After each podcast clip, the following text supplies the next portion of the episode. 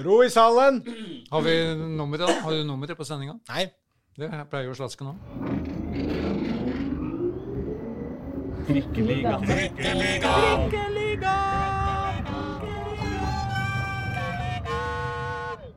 Hjertelig velkommen til eh, Trikkeligaen. Det er sesong to blitt, og episode 36 blitt. Og med meg i trikken, så eh, Ja, det er fullstappa trikk i dag, som eh, setter kurs ut i Oslo-fotballens eh, vidunderlige sfære, og det er eh, Reidar Solli. Hei. Det påstås, det. Ja. Hei. Jørn Skjerpe. Hallo, hallo. Hallo, hallo. Du deler mikrofonen med Pål Karstensen. Hei på deg. Og så skal vi ha besøk av eh, David Tavakoli. Han kommer litt seinere, men først så skal vi oppsummere det som har skjedd i eh, hovedstaden hva angår uh, Vuzbal. Og vi kan starte Vi skal ikke bare gå rett til uh, straffesparkkonkurransen mellom uh, Vålerenga og Eh, jo da, men vi må bare nevne At de som venter på David Tavakoli, de kan vente i, på noe godt og spennende. Ja, du vil tise Tavakoli litt? Ja. Jeg trodde det var nok å bare si David Tavakoli. Altså alle, vil, alle Ja, ja. ville høre hva David Tavakoli det skal handle veldig mye om K5, og det skal handle veldig mye om Skeid og Lindeberg og Vålerenga og Iran. Ja, det, det, er, eh, eh, det er litt bråk i, litt bråk i Skeid og litt eh, bråk i Oslo City, og det er mange artige historier som Tavakoli. Vi skal gjennom vaskehallen helt på tampen der også, som om den er i hver søndag. Ikke det må minst. dere få med dere. Søndagsturen til Tavakoli er absolutt verdt å få med seg. Ja. På bensinstasjonen på Bryn. dere ser så stort spørsmålstegn, Pål og Jørn. Det er fordi dere ikke aner hva Tavakoli kommer til å si. Men det vet jeg og Reidar. Vi var ikke med. Fikk ikke lov. ja, dere er jo med nå, da. Hyggelig. Bedre start skal du lete lenge etter slasken. Her parkerte vi deg så det sang. Nå drar vi til straffesparkkonkurransen på Intility mellom eh, Vålerengen, Vålerenga, Vålerenga, Vålerenga, Enga og Molde. Det er eh, breaking news for meg at det har vært straffesparkkonkurranse på Intility, men eh, det har det kanskje vært. Ja, var det ikke et straffespark til hvert av lagene, da? Hvis du sa straffesparkkonkurranse Ja, Ja. Da er det jo en slags konkurranse. Ja, si. straffespark, da. om, om, om, innafor. Det Det er innenfor, ja. Takk, takk, takk, Jørn. Ja, hvem skal begynne der? Eh, Kanskje jeg skal begynne, som ikke Nei, du kan avslutte, for du er fasit. Du er overhodet her. Som alltid. Så vi begynner med en som har sett uh, Var det noen av dere som dekka kampen? Jeg var jo der. Jeg var den eneste, Du var der. Eneste som var der, var eneste i rommet som var der. Da begynner vi med deg, overhodet. Kan begynne med meg og avslutte med meg, for da Ja, Du kan starte med å oppsummere, og så kan du få gi fasit til slutt. slutt. for det er jo interessant. Altså, ja, Sirkelen ble slutta. Hva sa de? Ja, da sirkelen ble slutta. Du kan starte, så skal den slutt. avslutte. Riktig. Nei, men det interessante med å være der, at jeg ser da ikke på TV. Uh, naturlig nok, for jeg er der. Så jeg ser, det er morsomt å analysere den, den situasjonen på gammeldags vis, når man bare er der. Og er bare prisgitt det man ser fra tribunen. Ja. Uh, storskjermen så jeg ikke noe på. Det tok så lang tid for det komme opp noe der.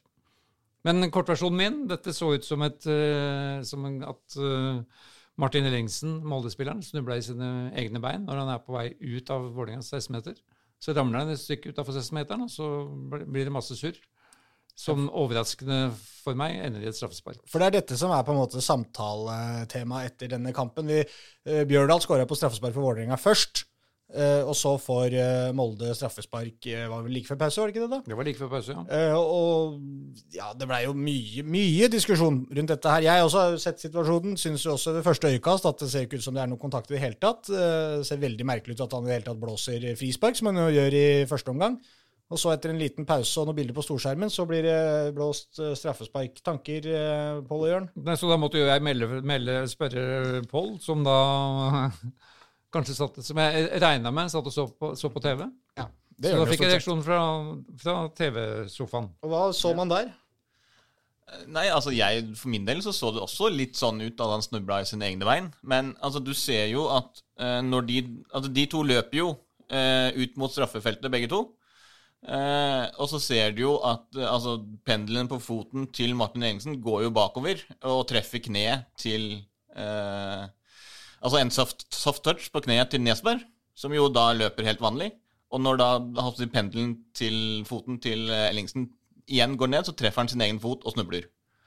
Så øh, jeg syns ikke det er noe straffe. Jeg synes, altså Uansett veldig, veldig soft. Eh, hvis det i hele tatt er straffe. Eh, Så det var, det var det jeg også skrev til, til eh, Reidar, at jeg syns heller ikke det er noe straffe. Men eh, nå har jo liksom alle, eller de som har ekspert, ekspertisen, sagt at det er greit å dømme straffespark. Men det er en, jeg tipper det er en sånn 50-50-duell, for det er jo, det er jo kontakt sant, med kneet til Nesvar, men det er jo ikke noe Altså, Nesvar må jo få lov til å løpe etter ballen. Altså, han kan ikke, liksom, Når det er én spiller som løper der, han kan ikke bare stoppe opp. En som, som kan da anføres mot Ivan, at han burde holdt seg lenger unna. Også når en spiller er på vei ut av 16-meteren, så Ja. er det ikke noe vits i å være veldig tett, tett oppinn. Men jeg syns jo det rareste var øh, at det var øh, uenighet om det var øh, en forseelse eller ikke, men hvorfor det tok så lang tid fra det ble endra fra frispark til straffespark. Det skjønte jeg enda mindre av. Ja, nei, det også tok veldig lang tid, og det er vel sånn du ser på de her eh, bildene, at uh, først så blir det vel blåst uh, frispark, og så assistentdommer markerer vel for, for kast, tror jeg det er. Altså når ballen går utover sidelinja, og så snakker de sammen, og så tar de jo Alle stiller seg opp, og det er ikke sånn at det er, det er ikke fryktelig mange som, som klager heller, liksom. Ja, selv om Ellingsen er vel rimelig kjapt oppe der og mener at det er Han spretter jo rett opp og peker tilbake inn i feltet, og han mener vel helt åpenbart at det skal være noe. Ja. Men bortsett fra han, så er det ikke så veldig mange. For det, det, ser, det er jo det som er spørsmålet. er jo, uh, For det første så ser det jo ikke ut Jeg har ikke sett noen bilder i hvert fall foreløpig som ser ut som det er noe kontakt i det hele tatt. Og hvis det er kontakt, er det en forseelse? Når du sparker opp i kneet på en annen spiller som løper bak deg? Og det tredje er jo om det egentlig er det innafor i det hele tatt, uh, straffefeltet. Så det er jo så mange variabler som går uh, mot Vålerenga her, da. Som sitter jo igjen eh, i saksa på en måte og taper alle, alle stikka. Da skal jo dommer eh, Mohammed Usman Aslam ha ros for at han stilte Rakkerigga opp i pressesonen etterpå. Han innrømmer det. Dette er en, som du sier, en soft, såkalt soft situasjon. Noen dømmer, noen dømmer ikke. Og det måtte innrømme at han var i tvil, men han, etter da dialog med assistentdommer, så ble det eh, alle marginer imot Vålerenga. Og Det, det er jo altså eh, I etterkant så har vi jo snakka med Elkevi, da, men altså dommersjefen har jo uttalt seg eh, om det. Og han sier også akkurat det samme. Altså Når dommeren først tar den avgjørelsen om at det er straffespark, så er det jo ikke si, en, en feil avgjørelse. For det er jo en sånn, det er sånn 50-50-duell. Altså Hvis du tar avgjørelsen på banen, så er det det du har vurdert der og da. Og da er det jo ikke en clear and obvious feil, for det er det jo heller ikke. Det er jo en tvilstilfelle her. Ja. Så det har Jeg jo bare, vært jeg bare tenker Hvis man tenker på det store bildet det er sånn, Ja, greit, man kan sikkert finne noen poenger som gjør at dette her kan forsvares på et eller annet vis. Men sånn Vil man egentlig at dette skal være straffespark, på en måte? Er det Nei, nei sånn, det er det det, det er en annen situasjon, og det syns ikke jeg heller. Nei. For det her er liksom Det, det er uflaks. Uhell, liksom. Det er to som løper ved Ja, siden av fordi hverandre, og så er det en som snubler. Nesberg forsøker på ingen måte å stoppe. Altså, En ting er når man bevisst prøver å felle en spiller på vei ut av 16-meteren, så man ofte, da får man mye kritikk, for det er sånn La han nå forsvinne ut av feltet. Han truer ingenting. Og så er det en litt overild forsvarsspiller som, som kakker bort på han, og så lager nei, straffespark i helt meningsløs situasjon. Men Nesberg gjør ikke noe forsøk på å nå ballen. Han skal jo bare følge løpet ut der for å legge press på Ellingsen før han skal eventuelt slå den ballen inn igjen. Så- Nei, I mine øyne er dette ingen forseelse. Hadde jeg vært dommer, som jeg da heldigvis ikke var, men jeg hadde ikke dømt noe som helst. Eller uheldigvis for Vålerenga-supportere, da. At du ikke dømte. Det kan du si. Ja. ja. Men en, en tredje dimensjon her er jo da også neste punkt, som Dag Eilif Fagermo var inne på når jeg snakka med han, om, at, eh, med påstand om at dommertrioen hadde brukt storskjermen på Intility og studert situasjonen der, noe de da ikke har lov til, ifølge fotballens Nei, vi har ikke var. interessante regelverk. Vi har ikke VAR, men vi har storskjermer. Ja. Og det er jo helt bingo hva som vises der, for det er opp til hver enkelt klubb. Eller det er det ikke, de har kanskje et regelverk. Jeg tror det er et regelverk der, som, Ja. men ja. Men dommeren har skal ikke lov ikke vise til kontroversielle situasjoner. Ja, det er noe sånt. Dette var såpass soleklart at det tenkte Vålerenga at dette er bare å sende. Dette er bare dette, Her er det ingen tvil til Dette underbygger vel vår påstand om at dette ikke er straffespark. Det var det de tenkte kanskje. Hvis spilleren på storskjerm, så skjønner de at dette er ingenting. Og da mente da eh, Fagermo at det var, faktisk kunne vært protestgrunnlag hvis det ble påvist at dommerne hadde brukt storskjermen. For det har de ikke lov til. Veldig vanskelig å, bevise, vise, eh, å Som få bevist det, da. sa, det er veldig vanskelig å bevise når de sier at de ikke har gjort det. Og det avviste jo dommeren, og da fant jo da Vålerenga ut kjapt. Så det var vel, var vel sannsynligvis det eneste riktige. At Men hvis, vi hadde, hvis, dette protesterer vi ikke på. men hvis man hadde funnet et bilde hvor man ser at dommeren på en måte kikker ly, lynkjapt opp på skjermen Ja. Fordi Helt åpenbart så kommer du ikke til å stelle deg opp og stå og kikke på storskjermen. Det, det finner du ikke noe bilde av. på en måte, Det skjønner jo dommerne. Men, Nei, men da men hvis han lynkjapt bare opp der Ok, ja. Men det kunne hende at assistentdommeren var veldig fullinteressert og, og var opptatt av Ja. om svalene nå var på vei ut av, av landet. Ja, så er det ikke så ofte at disse flymaskinene flyr over Oslo eller når de skal til Gardermoen. Nei, Litt det... oppsiktsvekkende hver gang det kommer en flymaskin Ja. over Oslo, faktisk. Så her, ja, det er mye som skjedde oppe i lufta der. Flymaskin, kaller du det forresten? Flymaskin? Jeg ble litt gammel nå, jeg. Fly... på jeg har, og datamaskinen min står der ute. EDB-en. Men Skal vi stryke Vålerenga, da? det, skulle, det endte 1-1 for niende gang. Ja. Det er vel konklusjonen, og det syns uh, Fagermo var helt greit. At, at det endte uavgjort, var helt greit. Det hadde vel Molde hadde vel to stolpen, og Vålerenga hadde et stolpeskudd, tenker jeg. Ja, Ja. eh, Kjartansson. Hedda stolpen. eh. Ja. Så mm, helt greit med uavgjort 1-1. Men Vålerenga kunne tatt sin tredje strake seier mot Molde. Det hadde vært, det hadde vært noe. Så de, de vant jo på Molde stadion, Aker stadion i, i vår. Det var ikke det første gang på hva var det, Jo, ti, ti år eller noe sånt? Noe, noe sånt. Det var lenge, i hvert fall. Vi mangler eh, Bookeren. Han har eh, kontroll på dette. 1-1, åttendeplass på Vålerenga. Men de har Langt jo unna den da sjuendeplassen da, som de skal ta. De er tett på sjuendeplassen. Men som sagt, det er 33 poeng igjen å spille om. Alt kan skje. Ja, og de må ha fem poeng til for å holde seg, da. Ja, det, det kan du også si. De har De må- 27. Det er lett å innkassere poeng på forhånd. Det, det er farlig. Det er farlig. Noe mer vi vil legge til om Vålerenga, gutter? Nei, De har en ny kamp igjen eh, før denne her sendinga så vidt kommer ut. da. I cupen mot Odd i, på onsdag. Ja. Og cupen, som de sier, det er jo da det eneste de kan vinne i år. Det vil si, det kan de ikke, for den cupen blir ikke avgjort før neste, år. så vi kan vel ikke si at det er det eneste de kan vinne neste år heller. Og de ryker vel fort mot Odd. Er ikke de, de er jo cupeksperter, de er de ikke det? Borti Skien? Det har i hvert fall vært det fra historisk av. Historisk tid her er de cupeksperten. Men, Ja. eh, men som Fagermo er veldig flink til å påpeke hver gang, han har kun ett tap etter at han kom til Vålerenga på Intility. Gjennom nesten to sesonger. Ja. Så du ønsker å påpeke at eh, nei, Odd er ikke noe cuplag. Jeg klarte aldri å ta dem til uh, cupgull. Nemlig. Nei. Her er det alle muligheter. Hvis ikke jeg kan klare det, så klarer ingen det. Nei. Da skal ikke vi få det også. Skal vi hoppe til førstedivisjon, da? Vi, eh, vi kommer til å prate litt om eh, eh, fadesen til KFM oppe på eh, Toten eh, og Raufoss eh, med Tavakoli, men det endte 5-1 altså til Raufoss. Jesper Toje skåra Koffas eneste mål. Ja, så det er fascinerende da at, eh, at KFM har sluppet inn ti mål på to kamper på Nammo stadion. Så det, men det kommer vi tilbake til med David. Har blitt David. skutt i senk, som de sier der oppe. Med David Kulene, Nammo. Noe sånt. Dette kommer vi tilbake til med en av hovedpersonene, som da for første gang startet på lenge for Og det KFM. gikk jo selvfølgelig åt Skogen. Ja. Det gikk til Det, gikk til, det er vanskelig å unngå skogen da når du skal spille bort mot Raufoss, men det er eh, helt korrekt. Grorud de eh, gikk ikke så mye bedre for dem. Det gikk litt bedre, men eh, ingen flere poeng. De tapte 2-1 mm, hjemme mot Sogndal, og der var du uh, skjerpegutt. Der var jeg, og de fikk jo dessverre en eh, stygg skade på Fredrik Pettersen eh, også. Måtte ut på båret der etter eh, Ja, hva skjedde? Det så bare ut som han i en duell hekta foten i kunstgresset, rett og slett. Den ble hengende igjen. Det er altså Fredrik Pettersen.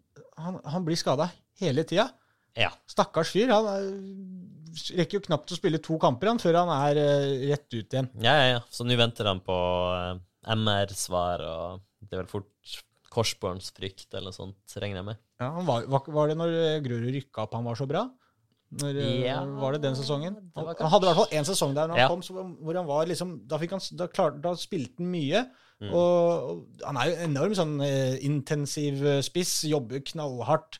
Alltid vært liksom litt sånn Kan han skåre nok mål, er avslutningsegenskapene der. Men, Mm. men eh, ekstre, han har vært ekstremt viktig i presspillet for Grorud, og det er jo en sånn spisstype som, som de gjerne skulle hatt tilgjengelig, i hvert fall i enkelte kamper eh, og kampsituasjoner, der hvor du trenger akkurat de, de egenskapene der. Da. For ja, Oskar Haga er selvfølgelig en mye bedre spiss, men Pettersen tilbyr faktisk noe som Aga ikke har, i form av den voldsomme pressintensiteten sin. Mm. Og Det var vel- andre kamp i rad og Aga ikke spilte? Eh, det er korrekt. Men nå er han i trening igjen, eh, så da er han vel aktuell mot eh, i cupen eh, onsdag Ok. eh, mot Lillestrøm. Men, men eh, det som var ekstra altså, Det var jo kjipt nok med skaden til Pettersen, men på det påfølgende i, altså, I duellen fikk han frispark mot seg. Så ble han båret ut, og så på frisparket så skårer da Sogndal ved Per Egil Flo. Så Ja. det, ja. Det er tungt. For Er det, er det noen andre enn meg som syns det er litt rart at Per Egil Flo driver og slår hjørnespark for Sogndal? Jeg føler at når du heter Flo, så skal du stå inne i feltet på eh, dødball. Du skal ikke slå dødballen. Nei, men eh, det det spørs hvilken flo du kommer Ja, det er kommer per, med. nå er det Per Egil, da. Ja, det skjønner jeg. Han, Da er han er greit. ganske bra i lufta, Per Egil Flo. Ja. Jeg bare Så føler at det vært- er noe feil, hvis du skjønner hva jeg mener. Når Men- du har en Flo. Men han skårte jo på frisparket, som sagt, så han har jo en bra fot. eh, Det er akkurat det han har. Så Ja. da skjønner det jo sånn sett, da. Håvard Flo hadde jo masse fine innlegg. Men også en del fine hodestøt. Ja. eh, ja. Jostein Flo drev med andre ting. Tore André Flo drev med helt andre ting. Men uh, de holdt du vil på. gjerne ha dem inn i feltet når du slår et hjørnespark? Ulrik Flo, er det en uh, Ikke det Ulrik uh, annen sle slektning der? Mye flo. Det er jo litt for mye Flo, syns jeg. Vi skal komme tilbake til Fjøra seinere. Apropos da- Flo og fjæ, Fjæra, Fjøra, så møtte Lyn. Vi burde ha en egen flo-podkast. Men Grorud, vi snakka litt om det med Tabakoli. Hvordan, var, hvordan er publikumstrykket på Grorud? Altså, Får de rusta opp noe? Får de noe atmosfære på disse Ja, faktisk på den matchen så var det ganske bra eh, Ja. blant publikum, syns jeg. Men det hjalp jo ikke, da. Hjalp ikke. Og så syns jeg jo den straffesparket som Thomas Elsebutangen skåra på Ah, hadde, jeg stått stille i det målet, så hadde jeg redda han. ja. Men det gjorde ikke Sogndal. Men jeg sto ikke der. Så, eh, og det andre målet til eh, Sogndal var også blytungt eh, for eh, Grorud. For det var altså Grorud hadde frispark i farlig posisjon. På Flo sitt mål, det var det første til Sogndal. Ja, og så på uh, scoring to, så uh, Det var er det Akor Adams uh, Ja. Så uh, hadde Grorud farlig frispark utfor uh, Sogndal-boksen. Men istedenfor å skyte direkte, så prøver de seg på en uh, innøvd variant som slår totalt feil, og Sogndal kontrer inn 2-1. Men skal vi gi 2-0. 2-0. Rettelse før vi reduseres. Ja. Skal vi gi dem et gnist og håp? Står, nå ligger de sist. Eh, Det er alltid et håp. det er alltid et håp. Det er jo det. Og Aga er jo en kraft av seg sjøl der framme, så det er alltid lite håp. Men det er, vel, det er vel toget som går nå, egentlig. Det er fem poeng opp nå til uh, sikker plass, og så da til kvalikplassen. Ja, det er ikke så langt, da. Det er jo Ja, men fem poeng er mye når du bare har 15 da, på 19, det, og da 11 er et igjen. Mm. Så det er litt toget som egentlig rusler, begynner å rusle litt for dem nå. Og så med Koffa nå i første kamp, etter, etter at de er ferdig med cupen mot Lillestrøm på onsdag, så er det Koffa på Ekeberg. Og så er det vel Ranheim, kanskje. Ja, stemmer. Det kan jo, kan det være hvem som helst. Og så er det landslagspause. Kan være hvem som helst. Nei, det kan det faktisk ikke. Nei, det kan ikke det. Men Det er eh, Ranheim, og så har de Kisa borte etter det, og det er jo en ekstremt viktig kamp, da. ja, Og så Raufoss eh, hjemme, start bort eh, Fredrikstad hjemme. ja, men etter den ullkisa er det jo da en landslagspause på et par uker. Så Ja. da får de en liten pustepause. Mm. Men eh, tøff start da for den nye Han er vel den yngste treneren i Obos-ligaen? Eller er, er han uh, Nesselquist enda yngre? Kanskje? Er han kanskje det? Er, er Johan er han yngre enn Kjøna? Ja, ja. Johan er yngre enn Kjøne. Jeg mener Jonis er Ja, ok, 27. det er han kanskje yngste. Dette, var jo, dette husker jeg Kjøne prata litt om eh, da han, han og Nesselquist var i første divisjon sammen. Så Ja. irriterte det jo Kjøne litt at Nesselquist var litt grann yngre enn han. Ja.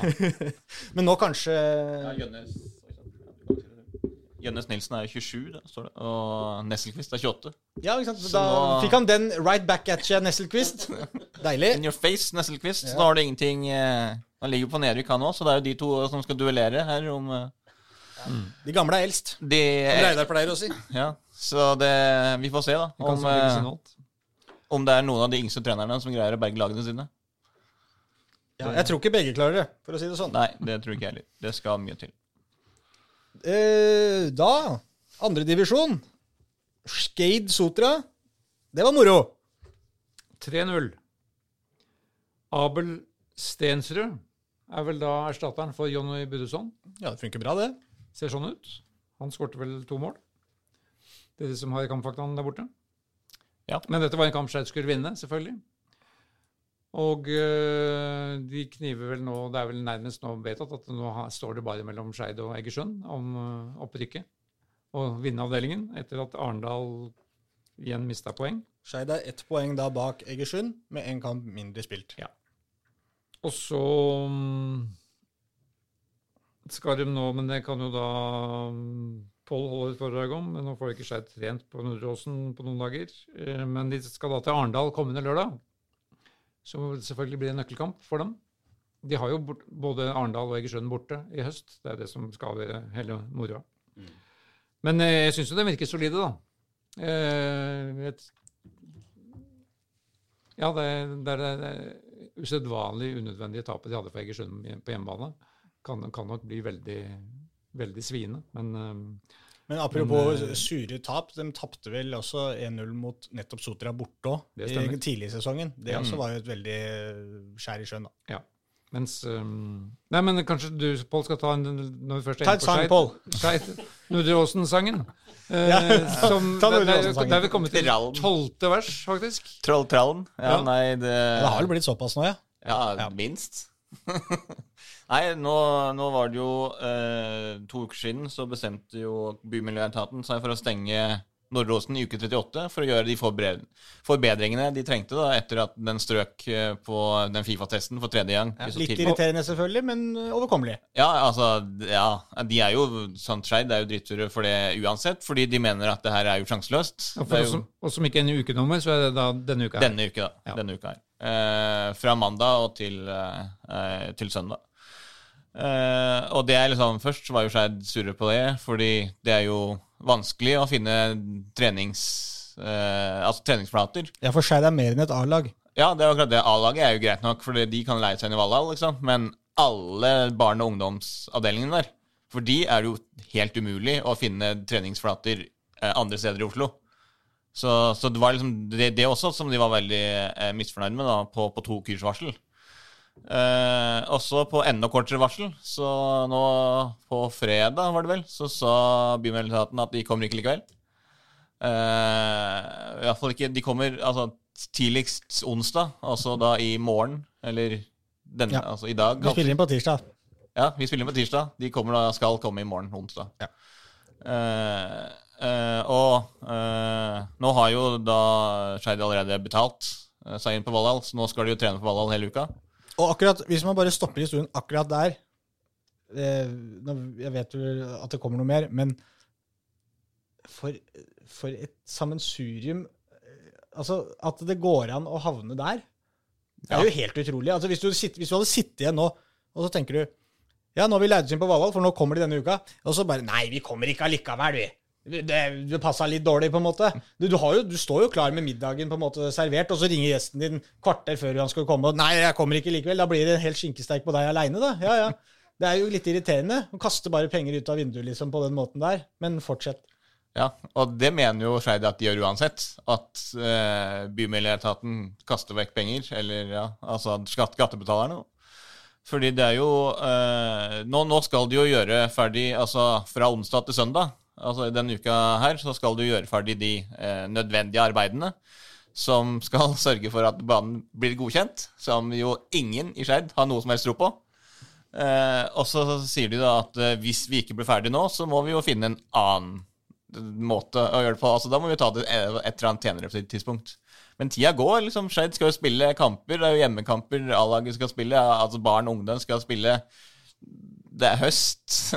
Snart der kommer frosten. Sant? Så, altså, de har et ganske dårlig eh, tidsvindu. Så eh, Men det, det det endte med, da, er at eh, for en gangs skyld så kan vi jo rose Bymiljøetaten, for de har faktisk eh, betalt Skeid, kompensert Skeid for de ulempene de har fått med at de, må, de dekker eh, leiekostnadene i Valhall. Men, alt, 25 000. men, men en ting er det økonomiske, men alt det derre hodebryet, det får du Ja. ikke kompensert på noen som helst måte. Nei, og det har jo vært i tre sesonger nå. Ja. Og det kommer jo til å vare inn i neste sesong også. Mm. Så, så det, jo, det er jo et evigvarende problem. Så du kan godt rose Bymiljøetaten, så roser jeg Skeid istedenfor. For at de leverer så bra sportslig i det rotet her. Ja, ja, det er jo utrolig imponerende. Og det gjorde de jo gjennom hele forrige sesong, da de jo hadde fire eller fem hjemmebaner. Ja.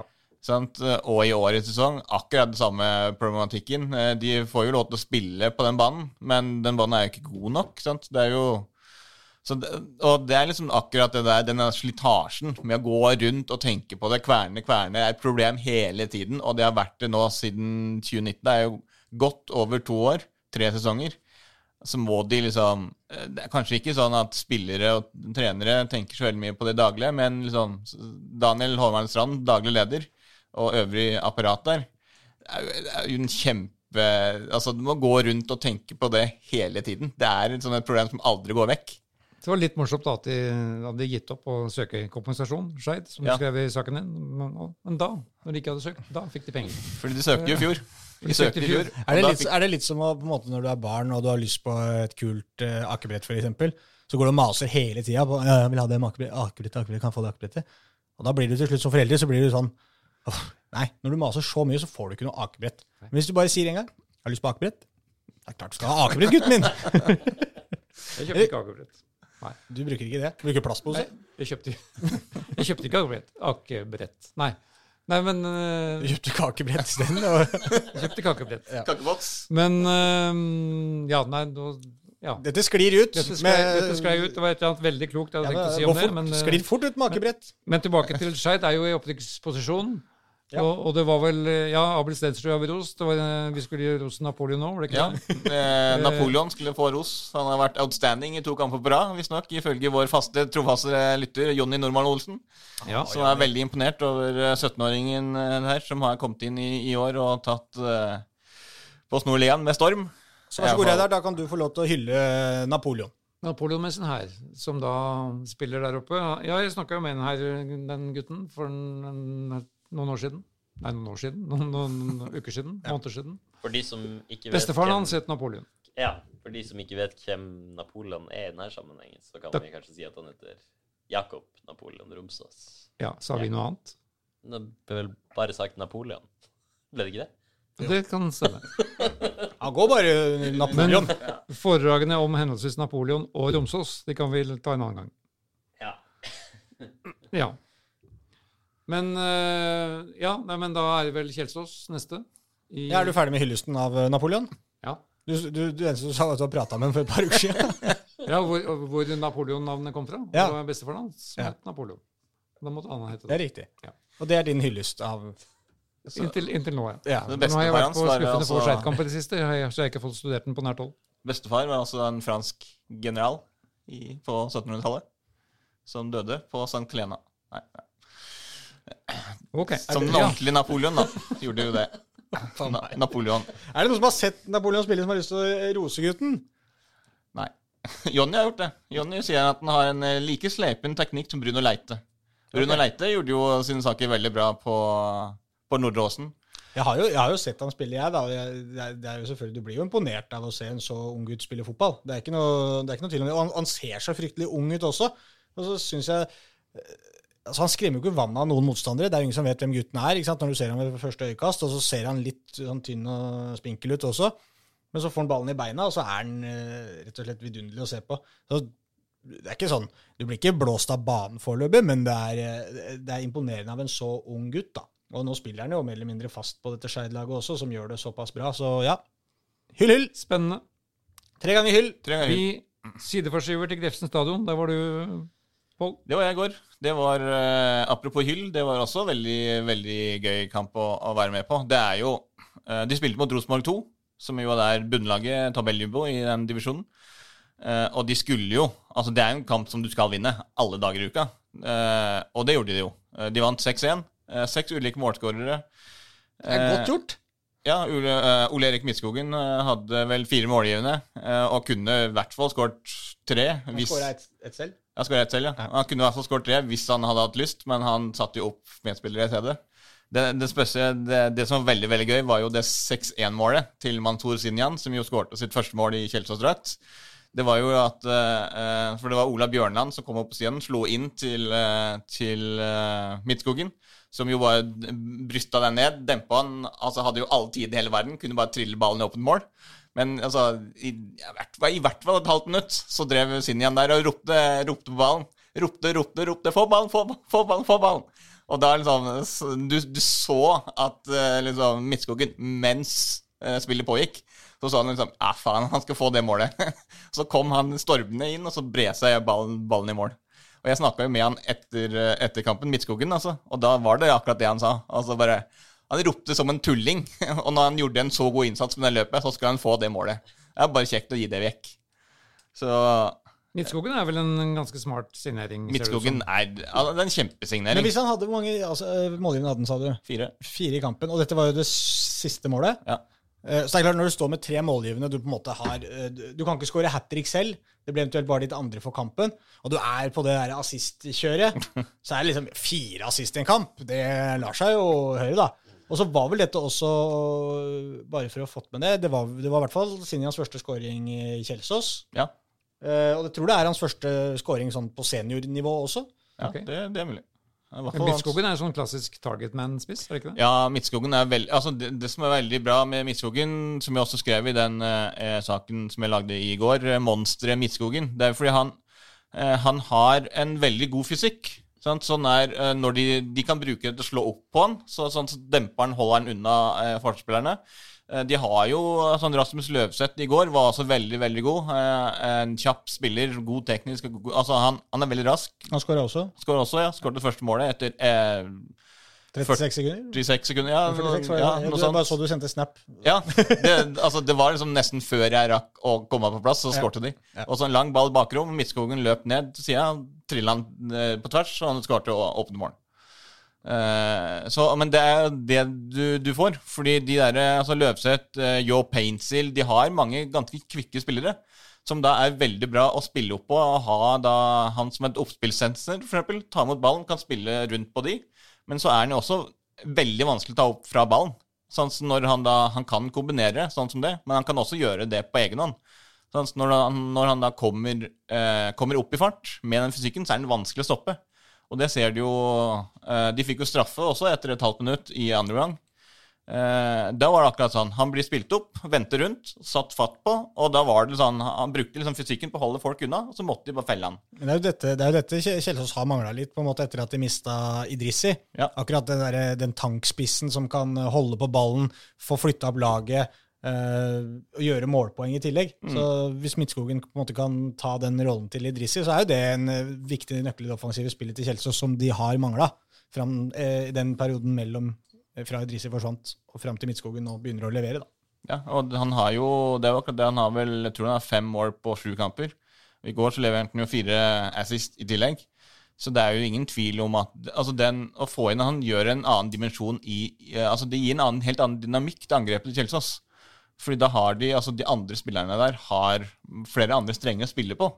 Sånn, før så har det vært veldig mye sånn eh, Joe Paintsil eksempel må liksom gjøre ting på egen hånd, skape ubalanse, komme inn og legge inn. Så har du hatt litt sånn spillere eh, Sånn som Jens Bonde Aslaksrud, som var jo der tidligere, spilte 100 kamper for, for Kjelsås. Skårte jo ganske mye mål, han også. Men det var liksom en helt annen type spiss. Da hadde du liksom bare den ene typen, altså ene måten å spille på. Nå har du flere, flere strenger å spille på, så det eh, Får du han ordentlig i form, som han sa at han har jo slitt mye med skader. Eh, han spilte jo nå sist i Dundalk, og før det i Klaksvik på Island, nei, på Færøyene. Ja, ja, ja. Eh, har slitt mye med skader. Kommer han ordentlig i form, får liksom det her i gang, så kan det bli bra, det her for, for Kjelsås. Det var første hjemmeseieren på to måneder. Eh, så det har jo første Før det her så hadde de én seier på ni kamper. Er det ikke da man ofte kommer disse spørsmålene? Ja, da er Fort Grefsen stadion eh, tilbake. Det er, Ja. det er fort overalt du, med en gang du har vunnet en hjemmekamp. Da er det fort. Nå er det fort. Det er ingen som skårer mål her på fortet vårt. Det rareste for meg i den avdelingen er hvorfor Rosenborg 2 har så, hvorfor Rosenborg har så smal topp. Ja, Det de, blir en annen podkast, Reidar. Ja, det er en annen podcast. Ja, det må reise nordover, det. Ja, det. Ja, det kan vi ta der. Ja, nei, det, det, det var veldig Det er veldig ungt. Eh, Det eneste han, eh, han eh, Wiedesheim Paul, han spissen som har spilt et par kamper i Eliteserien for de, han var med. Ellers så var det syltynt. Det hadde Roar Strand da, som, eh, som trener. Han spilte selvfølgelig. Ja. Han, ja, så han, han, han Altså Hvis han hadde satt seg inn selv for laget, så kunne han bidra med litt erfaring. Han har dratt opp det snittet ganske greit. Ja. Nei, for Midtskogen er jo da tilbake til han. Så, altså Norges mest kjente møtende spiss var jo Gøran Sørloth, men, eh, men det er jo bare sønnen hans dere har fulgt med på, kanskje. Han er, han er ikke så møtende spiss. Men Midtskogen er møtende spiss, da. Ja. Men det morsomme med Kjelsås Jeg har jo inntrykk av at de på sitt beste kan egentlig slå alle lag i denne avdelinga. Ja, altså, de, de har et eh, eh, altså, Problemet er at Er Forsvaret bra nok til det? Ja. Det er jo det store spørsmålet. Fordi der har det vært veldig eh, Det har vært veldig lett å score på de, fordi de slipper ikke til så veldig mange sjanser. Men de sjansene de slipper til, er ofte veldig store og ender baklengs. Men jeg tror egentlig forsvaret til Kjelsås er, er godt nok, altså sånn på papiret kvalitetsmessig, men masse av disse baklengsmåla eh, som de har ryket på, er jo, bunner jo først og fremst i balltap på helt håpløse steder. Altså eh, dødballer som blir slått dårlig kontring imot, eh, pasningsbrudd eh, høyt i banen, ikke sant? sånne ting. Og det er sånn, Du kan peke på Forsvaret, men de løper veldig mye hjemover om å forsvare seg. Eh, fire mot fire, noen ganger fire mot fem i undertall til og med flere ganger. Så det, det, er, det er ikke bare på en måte forsvaret til eh, Det, det er som et kollektiv de egentlig har svikta litt defensivt. og De har jo, som du sier, de har ikke sluppet til så mye heller, men de sjansene som kommer, som du helt riktig sier, Pål, de er altfor store.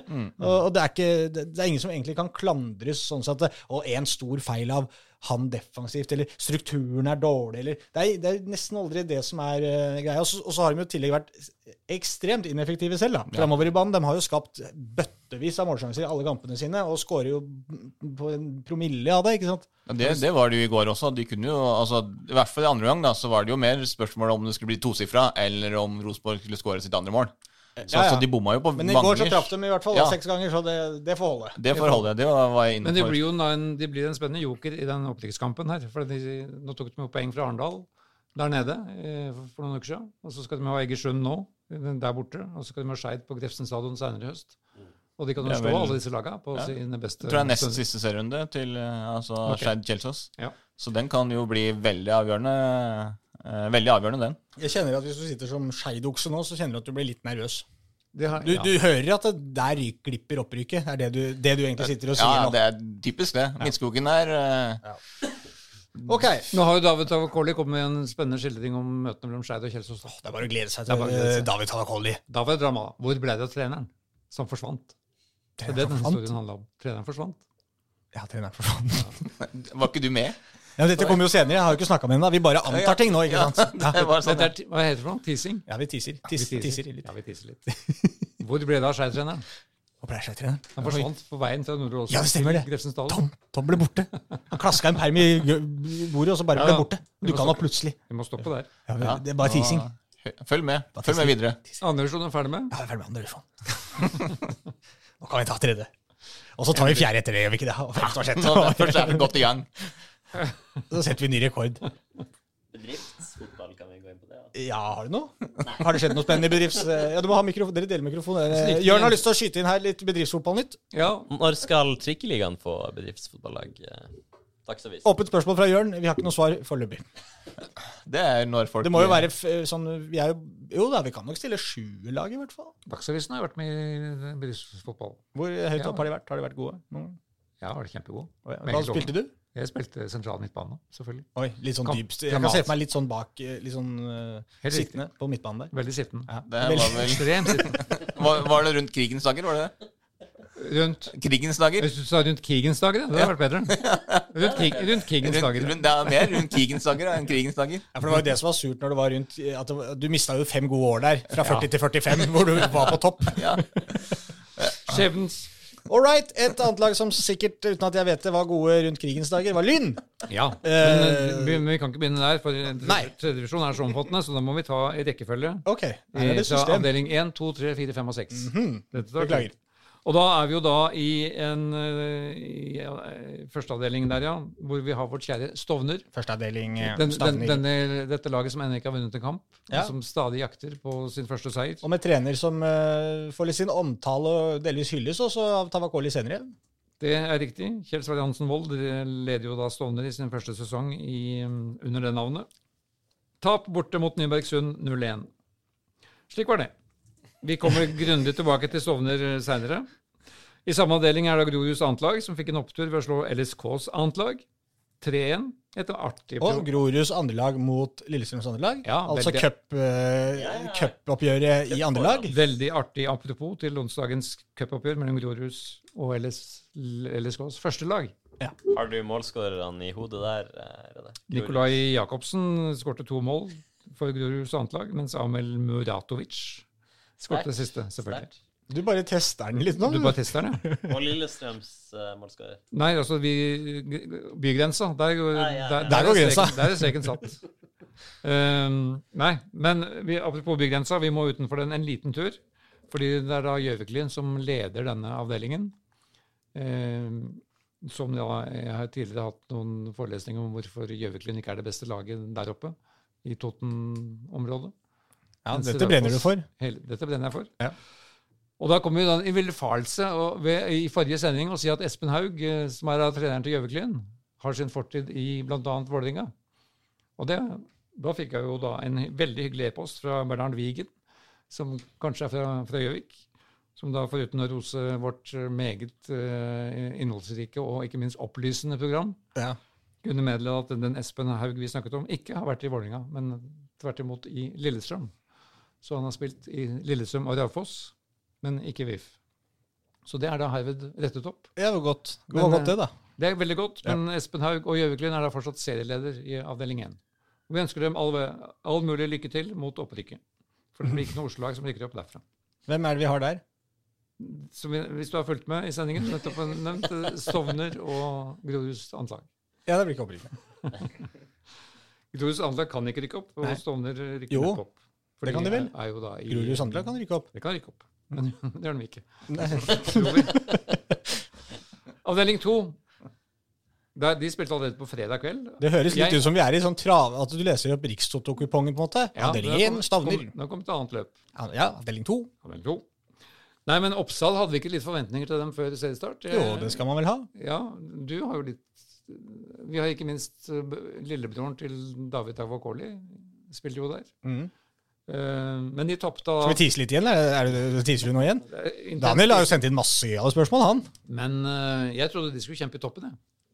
Ja. Ja, jeg trodde det. ja. Det var det var, tror jeg var det som var målsettinga deres også. Selv om de, som de jo sa før sesongen, og som alle andre lag sa, at det var vanskelig å vite litt hvor man sto da, i forhold til de andre når det var så lenge siden man hadde spilt uh, sist. ja. Men ja. Men de spilte da i, de var da på Marienlyst i Drammen og spilte der fredag kveld og tapte 5-1 for Strømsgodsets annet lag. ja. Og Godset leda 5-0 for Anjan Rajendram reduserte for Oppsal helt på slutten der. Men nedtur for Oppsal. Vi får ikke dem i andrevisjon neste år. Nei. Men Oppsal kommer sterkere senere. Og da er vi over i den avdelingen som du mm, Avdeling tre. andpustent er så opptatt av. Eller Avdeling fire. avdeling fire. Sa jeg tre? Nei, Nei, jeg sa Håkon som sa det, tror. Ja, akkurat. Han, Håkon, han legger eh, stadig inn sånne gamle som jeg kaller lynfinter. Snubletråder. Snubletråder, ja. Men vi er da i avdeling fire. Veldig mange er opptatt av Lyn. De vant jo sin tredje kamp i rad ved å slå Fjøra 3-0 i S- Fjøra. Fosshaugane. Fosshaugane campus. Fosshaugane campus. Tredje seier på rad. Um, De bringer jo stadig debutanter og nye spillere inn hver, hver uke. Den gangen var det Noah Altså verre og verre hver uke, eller hver uke? hver uke. Ja. Denne gangen var det Noah Hermansen, som de hentet fra Sampdoria. Eh, I lynmiljøet så blir de like overraska for hver nye spiller som kommer inn. Hvordan får de det til? De fikk jo henta en fra Tippeligaen, nei, Eliteserien uka før. Mm. William Sarr Wilhelm Sell. selv. Men det er jo da Ismail Det er jo da Ismail Ansar fra Watford. Det som sjekker de trådene bak om dette, er jo da vår gamle venn i VIF, og nå i Eurosport, som da står stille i huet mitt. Ja. Så Eh, Tor Ole Skullerud, Skullerud, ja. som plutselig dukka Som ned. Han, han daglig jobber jo, sportsleder. jobber jo en dag i uka i Lyn, Og da henter han og spiller. da henter han spillere. Nå hadde Noah Hermansen gått av da, når, disse tre, når de endelig fikk skåra mål på Fosshaugane. For det tok tid. Det tok, tok over en time før det, før det kom noe. Men um, da var det Anwar Pellegrino, Sander Noreide og Martin Bakken som kom inn etter 90, 90 minutter. kom Martin Bakken inn. Etter 90 minutter og 21 sekunder så skåra han på sitt første spark.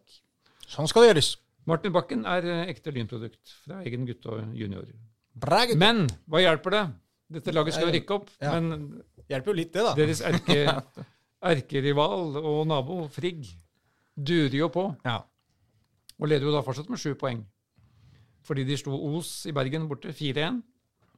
Og de leverte da kunststykket og ledet 2-0 etter tre minutter. Ja, de leda 3-0 etter et kvarter. Noe sånt. Så Og da var det vel Vital Kaba igjen, selvfølgelig. ja, er Og. Joakim Holmedal, som tidlig var på der. Så Frigg durer jo bare helt overlegent i den eh, avdelingen. Ikke helt overlegent, de har vel bare i Fyllingsdalen ett poeng bak seg. Ja. Men, um, Men overlegent foran Lyn, da. Sju poeng foran Lyn. Ja, det er jo ganske overlegen. Og. Frigg er fortsatt ubeseira. Har skåra flest mål i denne avdelingen. 24 mål. Og Så lenge de holder på sånn, så blir det vanskelig for Lyn å Som vi sa forrige gang, vi var konkurrerere, at Lyn må vinne resten, pluss at de må få litt hjelp fra andre. Ja, Det ser vanskelig ut, for det er jo halvveis nå, er det ikke det? Det er litt over halvveis, ja. Det er jo faktisk eh, ja, enkel serie. Ja, Så det er jo halvveis. Og det vil si at det er Seks kamper igjen, er det ikke det? Fordi det er jo 13 lag. Altså, ja, eller 14 lag, da, så du spiller jo ikke mot seg selv, hadde jeg på å si. Hvis Lyn, hvis Lyn har lyst til at Frigg skal At det skal butte litt for, eh, for Frigg, så kan de jo betale meg noen kroner, så skal jeg dra og se på Frigg. Jeg, for det eneste poengtapet Frigg har i år, det var jo da jeg var eh, og så redd i Frigg. nettopp De har vi vunnet alle de andre. Da ble det en igjen. Og de har jo penger i Lyn. Toro, det er jo neste gang du er på jobb Gidder du ikke hente spiller, henter du meg. Ja. Og så sender du meg på alle kampene Frigg spiller, og de andre lagene du trenger, ned. Så skal vi ordne dette her ute. Det går fint. Nei, men da, da får du en tur til Frigg på Tørteberg på lørdag. da. For de Ja, har en hjemmekamper nå på lørdag, både Lyn og Frigg. Jeg kan ikke på lørdag. Det blir bra. Vårt tredje lag i denne avdelingen heter da Reddy. Den kampen ble utsatt pga. korona. De skulle møte Sogndal 2, men fikk da beskjed om at Sogndals G16-lag hadde møtt et annet lag som hadde koronasmitte. Derfor kunne ikke Reddy Sogndal 2 bli spilt. Sånn er det i disse koronatider. Er vi da ferdig med Lyn og Frigg? Og Ja, Hvis du er ferdig, så er vi ferdig. ok, dere har ikke noe å tilføye? Ja, Frigg suser videre. Det er gøy å se. Vital Kaba skårer like mye mål som han gjorde forrige gang. Hvorfor skårer han, bare i frig? Nei, det må vi, jo, vi må jo ha Vital Kaba inn her for å svare på det. Ja, Men det det er jo litt sånn ofte mange sånne som er systemspillere, som passer veldig bra inn i enkelte systemer. Og det eh, både med, med, det har med selvtillit og det har med måten du spiller på å gjøre. Og tydeligvis så passer måten Både at han liker seg i Frigg-tøy da, og med lagkamerater og på tørtebær der, eh, og i det spillesystemet som de, som de funker. Fordi det funker like bra det hver gang. Ja. Og også i år, altså, når du bare kommer inn på direkten, og så er det akkurat som at han aldri dro. Så Men ikke for å være kjip, men det, er, det er, kan jo ha noe med at det er eh, nivået også, da. ja, men er det så stor noen forskjell fra Det er bare én Ja, da. Jo da, men allikevel, det er jo en divisjon opp, da. Det er en divisjon opp. Ja, det kan være så enkelt. Kanskje Håkon Thon har eh, svaret? Mm. Nivåforskjellen. Eller kanskje Kaba har et ansvar. Kanskje Ikke send melding til meg. Hvis Frigg rykker opp med han, så jo, da er han jo på nivå. Ja, Da er han da er han jo på det nivået han ikke har levert tidligere, og så er han i den klubben som han har levert i. Så da får vi se. Da får vi se. Da er vi nede i avdeling seks. For der har vi jo da Oslo-serielederen gjennom Ullern, som da knuste Rana 5-0 på Ullernbanen. Tidligere, Aslaksrud skåra. igjen tidligere omtalte Jens Bonde Aslaksrud fra Kjelsås skårte da to mål igjen. Han uh, durer jo på der. Men det, den skåringa som, som huskes fra den kampen der, eh, ble da servert av Ismar Disdar. Ja. Han er jo kjent fra Han har jo spilt, i, han spilt både i Oppsal og i Grorud tidligere. Det kan hende. Dette må du Eh, finne ut Det var bare fra toppen av huet her. det er korrekt. Også spilt i Bærum og Fredrikstad. Han fikk ballen akkurat på midtstreken. Avanserte noen få meter. Og klaska til, eller? Så at keeper var litt langt ute. Klaska til Ja. fra 36,5 meter. Dæven. Rett i rett i karsen, Rett i som vi sier karsen. i Bergen. Rett i karsen. Imponerende skåring. Han har jo bra skuddbein, han uh, Distar. Jeg har sett den Men- eh, noen andre kamper over han ikke nødvendigvis har scora, men har kjempeklem i den foten der. Mye fysikk i den kroppen her. Ja. Svær kar. Mm. Så Didrik Bjella, som da trener Ullern, eh, han har fått sving på dette. Altså, de skaper enormt med sjanser. Det klinger av bjella. Det kan du godt si. Bjelleklang. Bjelleklang. Men øh, de kunne vel vunnet 8-9-0, tenker jeg. Og Rana er jo ikke, er ikke Legger ikke dem relativt høyt der? Jeg ligger på femteplass nå. Ja. Så um, Ullern er den klareste opprykksfavoritten. Kan, bli, kan det bli Innenfor eh, del Oslo-lag oppe i Divisjon andredivisjon uh, neste sesong? Det blir hektisk eh, neste år òg. Ja.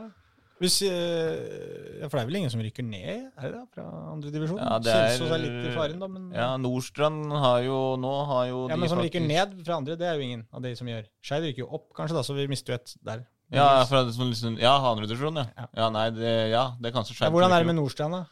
Det er ikke så bra. Konklaven. Nei, Konklave. altså, jo, også, Men nå har det gått bedre. Det går stadig bedre på Nordstrand.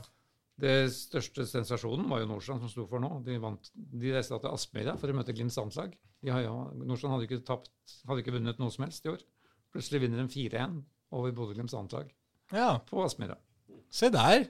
Thomas Holm, Skåret alle fire. som også David Tavakoli nevner, Ja. skåret, skåret, burde kanskje skåre alle fire, men gjorde det ikke. Men ledet laget til en klar borteseier. Mm. Fordi de fikk endelig uttelling. da. Altså Jeg har sett Nordstrand litt grann i noen andre kamper. De har skapt veldig mye sjanser, men får ikke mål. Nå fikk de det. ja, men, det, har ikke jeg her, men det har kanskje dere der borte. Ja, vi kan i hvert fall finne det her. men i alt i alt så har det jo vært en uh, ganske så god uke Oslo-fotballen uh, oppsummert under ett her, da. Ja, Jeg er jo ikke ferdig ennå. da. Her Det er flere- se. Er det enda flere avdelinger? Ja, det er altså så mye. Det er uh, Skal vi se. Målskårere er Rasmus Eggen Winge, Christian Guillermo Njøten, Oliver Aaser Midtgård og Edvard Alexander Norheim Kling. Skårer. Yes! Mm. Skeids annet spiller jo også denne avdelingen. Ja. Og det er jo et poeng med Skeid har en stor bredde i den der, på seniorfotballen sin. ja, de har vel over 30 mann i A-lagstroppen. Ja, så Skeids 2 har jo da det løsna for nå, for de sleit med å vinne kamper i begynnelsen. Nå hadde de Skjervøy på Nord- Nordåsen, og Skjervøy ligger vel på annenplass på tabellen? Eller, Ja, Skjervøy lå i hvert fall det, skal vi se. De lå kanskje på annenplass før den kampen. De ble forbigått av Junkeren i Ja. helga. Fordi, den, fordi Skjervøy tapte 1-5 på Nordåsen.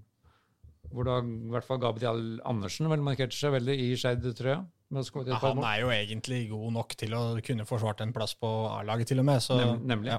Men det, bare Men det er bra at han leverer der på andrelaget når du får spilletid. Da. Viser det frem der òg. Viser at han er i hvert fall klar i huet for å ta den kampen. Ja, og det lille jeg så av den kampen, var at, eller samme dag, var at Skeid igjen skapte veldig mye sjanser. Da. De kunne jo nesten faktisk vinne tosifra i den kampen her. Mm. Skjervøy, det er, det er vi langt nord. Ja, det er vel Skjervøy er vel eneste laget som har tatt poeng fra Ullern. Skjervøy. Ja. Jeg mener at det- det ble 2-2 i den kampen tidligere i sesongen, som jeg så. Eh, Da leda Ullern 1-0 etter et tidlig mål, og så skårte Skjervøy to mål rett på slutt. Og så utligna Ullern sju minutter på overtid. Mener jeg. jeg husker. Jeg tar det her helt på hukommelsen. da. Sikkert helt korrekt. Ja, det får vi satse på. Og vårt aller siste Oslo-lag da i den avdelingen, der kan jo du bruke metaforer som du kommer på, Håkon, men eh, det ble jo da Bråstov for lokomotivet. Oslo mot Ja. Junkeren. Junkeren er da fra Bodø, for de som ikke veit det. Og der klarte da, klarte da lokomotivet å slippe inn fem mål. De skårte tre sjøl, og da har de vel stoppet inn flere mål i den kampen enn de hadde gjort til sammen før den kampen. Så hva som har skjedd i Lokomotiv Oslo, det er jeg usikker på, men det krever da en tyngre analyse. Ja. Det er eh, jeg håper å si, Vi sa jo, vi begynte jo å skryte av Lokomotiv Oslo i starten av sesongen med at de hadde en god sesongstart. Men nå er det jo altså plassen foran Nordstrand, som jo hadde tidenes dårligste sesongstart. Det er riktignok fire poeng eh, som skiller de, men allikevel. Det var eh, det har vært voldsomt krise i Nordstrand, og Lokomotiv Oslo har gjort strålende over all forventning. Og nå er det én plass som skiller de, og fire poeng. Det har vært krise i Nordstrand, sier du. Er det, har det vært på nippet til at Thomas Holm rett og slett må ta sin hatt og gå? Dette holder ikke? Det er jo det. Altså Før det her så hadde jo at De hadde jo Før helga så hadde jo ett poeng. Hadde kniven på strupen og leverte her nå, da. Ja. ja. nå Nordstrand de tar Lokomotiv Oslo, dem vet det. Vet det vel. Konklusjonen i divisjon 3 er da at vi har to serieledere i Frigg og Ullern. Ja, har vi bare, nå er det bare å glede seg, for nå er det halvannen time. Nå skal vi begynne med fjerde, femte og sjette divisjon. Så bare heng med for alle Nei da, vi gidder ikke mer nå, gjør vi det? Altså, vi har jo ikke kommet innom Sterling og Grei, ikke minst. Nei. Grei må vi komme kraftig tilbake til. De åpner da Oslos andre fotballhall på torsdag denne uka. Bra. Eh, det kommer vi behørig tilbake til, selvfølgelig. Ja, du kan, gå, du kan godt ta noe nå hvis du har noe nå. Det er ikke noe liten begivenhet. Hva sa du? Ja, Hvis du har noe å komme med om det nå, så kan du godt ta det nå. Hvis det er noe mer Nei, altså, enn bare at de skal de, få det. De som er interessert, må møte opp på Grei helt opp Grei er, ligger jo helt oppunder sk- skaukanten i Lillemarka. Ja. Da kommer fotballpresident Terje Svendsen og andre storheter og åpner eh, en fotballhall som de selv eier, som jeg skjønner, Yes. på torsdag kveld. Dette skal vi finne mer ut av. Pressen er på Vi har er til og med invitert et med vårt podkaststudio, for de har egen, eget podkaststudio i Grei klubbhus. Ja. De er veldig greie, som de sier. Men uh, Ja, dette kommer vi tilbake til. Nei, også Nord Korsvoll og eh, Korsvoll kommer ikke opp i andre divisjon riktig ennå. Er de tredje òg? De er i femte.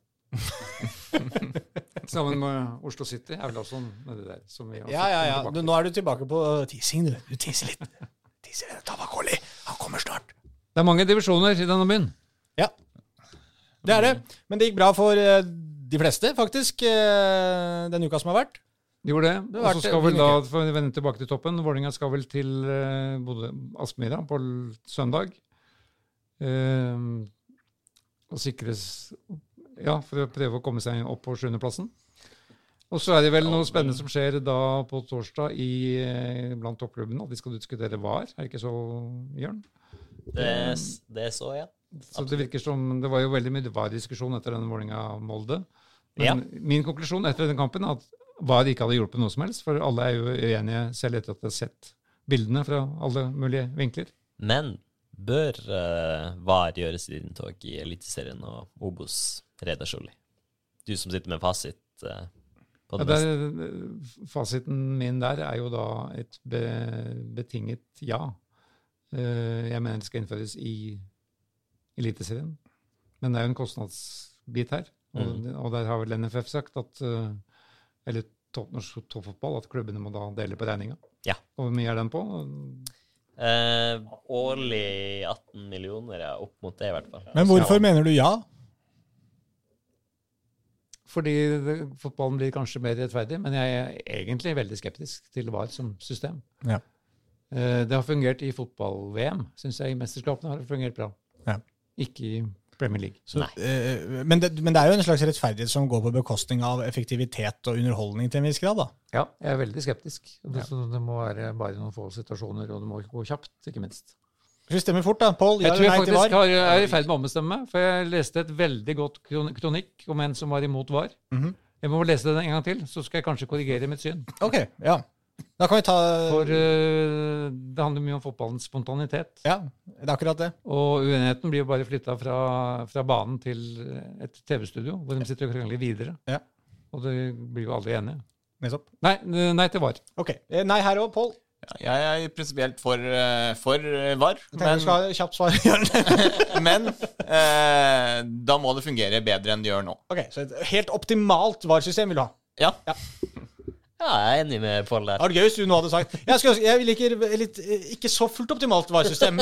Litt kronglete og vanskelig og tidskrevende varesystem. Ja, det er litt sånn som det er nå, da. Ja.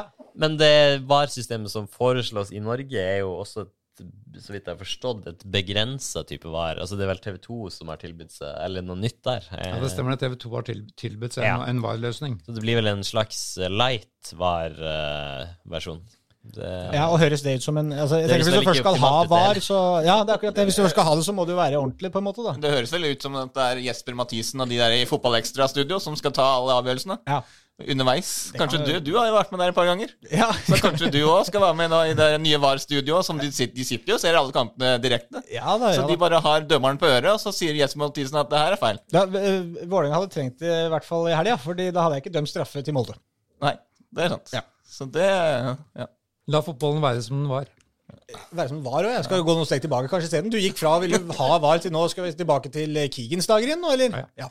For da var da fotballen var best. Da det ikke er lov med innbyttere og ikke ja. Selvfølgelig. Det var lov. ja, ikke Altså, hvis du går enda lenger tilbake, så var det ikke lov. Jeg har går tilbake til steinalderen, liksom. Ja. Jeg går til- tilbake til keep. Det var, så mye, det var så mye deilig i gamle dager. Det var det, ja. Ja, ja. Var pølsene bedre òg? Mye, mye bedre. Men lomper hadde de ikke. Det var på skøyteløp, det. Da hadde vi klumper. Det var publikum på kampen nå. 72 000 på Ullevål. Det tror jeg ikke noe på. Nei. Vi har vel ikke, vi har vel ikke noen podkast før denne helgens store høydepunkt. I uh, våres eh, Ja, Koffa- kretser. Koffa Grorud. Ja. Det må vi jo slå et slag for. Nå slo du et slag for det. Ja.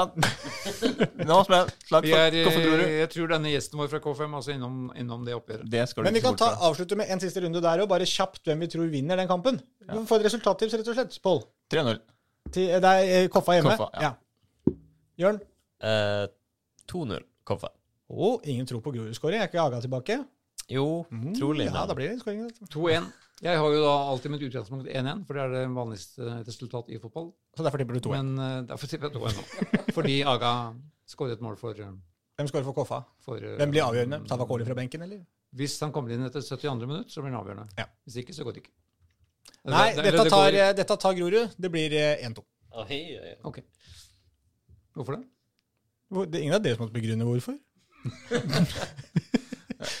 Det Aga-effekten. Aga-effekten. Ja. Ja da. Gjønnes-effekten. Aga-effekten. Ja. Safaris-effekten. Jeg følte kanskje at det var bare for å gjøre litt balanse. Skal jeg gå for 1-1, kanskje? da? Det er jo det mest vanlige resultatet i fotball. Helt riktig. Veldig godt valg. Den scorer først, pleier som regel å vinne de kampene. Ja, Men da scorer Aga først. 1-0. Ja, ja. Og så utligner Tavakoli, for han kom inn til 74 minutter. Ok. Skal vi la det være siste ordet for en eh, Ja, nå kommer jo David. Blir det ikke sånn, Oi. da? Ja, ja, sånn blir det. Ja, Eller det kanskje Vi vet ikke. Hvilken rekkefølge dette blir. Det er jeg som skal klippe, gutter. Det, dette kan gå i alle retninger. Kanskje ikke blir noe podkast i det hele tatt. Det har vært veldig hyggelig uansett. Ha det. Ha det.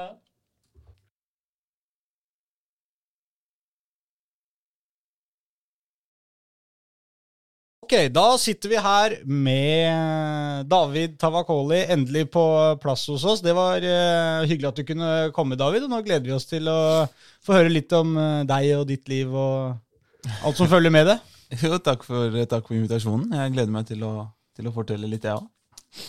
Det vi aller først må gå til, Reidar, som også er her Ja. vi, eh, når, når vi ser på sesongen til David så langt, så har han skåra fire mål.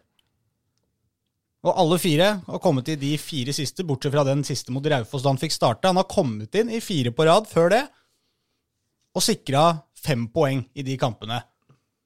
Den klassiske superinnbytteren. Burde Nå må jeg bare stoppe benken, med en gang. eh? Det er mer enn fem poeng. Ja, Det er, eh, det er ti poeng. Ja, men dere hadde jo ett mot Sandnes Ulf, hadde dere ikke det? Så du vant to der. Ja. Dere hadde ett mot Fredrikstad, så vant to der. Jeg har ikke du teller sånn, ja. Jeg Ja. har ikke det med. Ja, er jeg men, med. men ja, det, ble, det har blitt uh, Det har sikkert blitt det, det, Ja, fem tror jeg blir riktig. I Ja. hvert fall. Du har jo hatt her kan stor du- Her kan du løpe inn med fakta. Her kan dere gå inn og regne. Gå inn på fotball.no, så finner dere ut av dette. Men du har i hvert fall vært viktig. Og skåra i fire kamper på rad før det, du fikk starte mot Raufoss. Er det sånn at uh, Jørgen egentlig bare bør sette deg på benken og kaste deg inn uh, når det trengs skåringer på tappen, eller eh, hvordan er det? Nei, altså, jeg, jeg har jo alltid vært en spiller som har starta kamper. Og så Stor feil, selvfølgelig. Ja, ikke sant. Det kan diskuteres hvis du ser på statsen fra Skeid, men i Koffa så har, det, så har det vært en periode der hvor jeg har sittet litt på benken. og da handler det om å, om å komme inn og, og bidra, og det jeg kan bidra med, er jo å skåre mål og, og bidra i det offensive spillet. Så når jeg først fikk den første skåringa, eh, hvem var det mot da? Mot Sandnes Ulf, så fikk jeg jo en god følelse på at ok, nå kan det, nå kan det snu, fordi det var, det var litt trått i, i vår, det var jo det.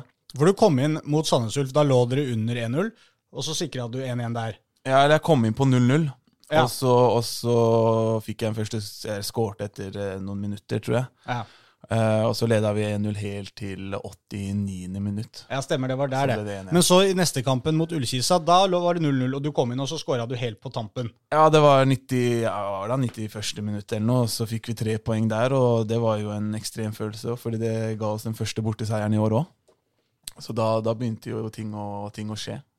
Og så skulle du en ny tøff bortekamp, og det er jo Start som venta i Kristiansand i den eh, kampen etter det. Eh, og det har jo vært litt sånn derre eh, Når jeg snakka med, med Jørgen noen ganger han har, Helt siden Koffa rykka opp, så har han vært litt på det derre få tatt en stor skalp. Og det derre slå en av de store laga, og spesielt på bortebane, det har, har Koffa slitt litt med. Så den der borteturen til Kristiansand der må ha vært litt uh, ekstra kul, var den ikke det? Jo, den var, eh, den var dritkul, om man har lov til å si det.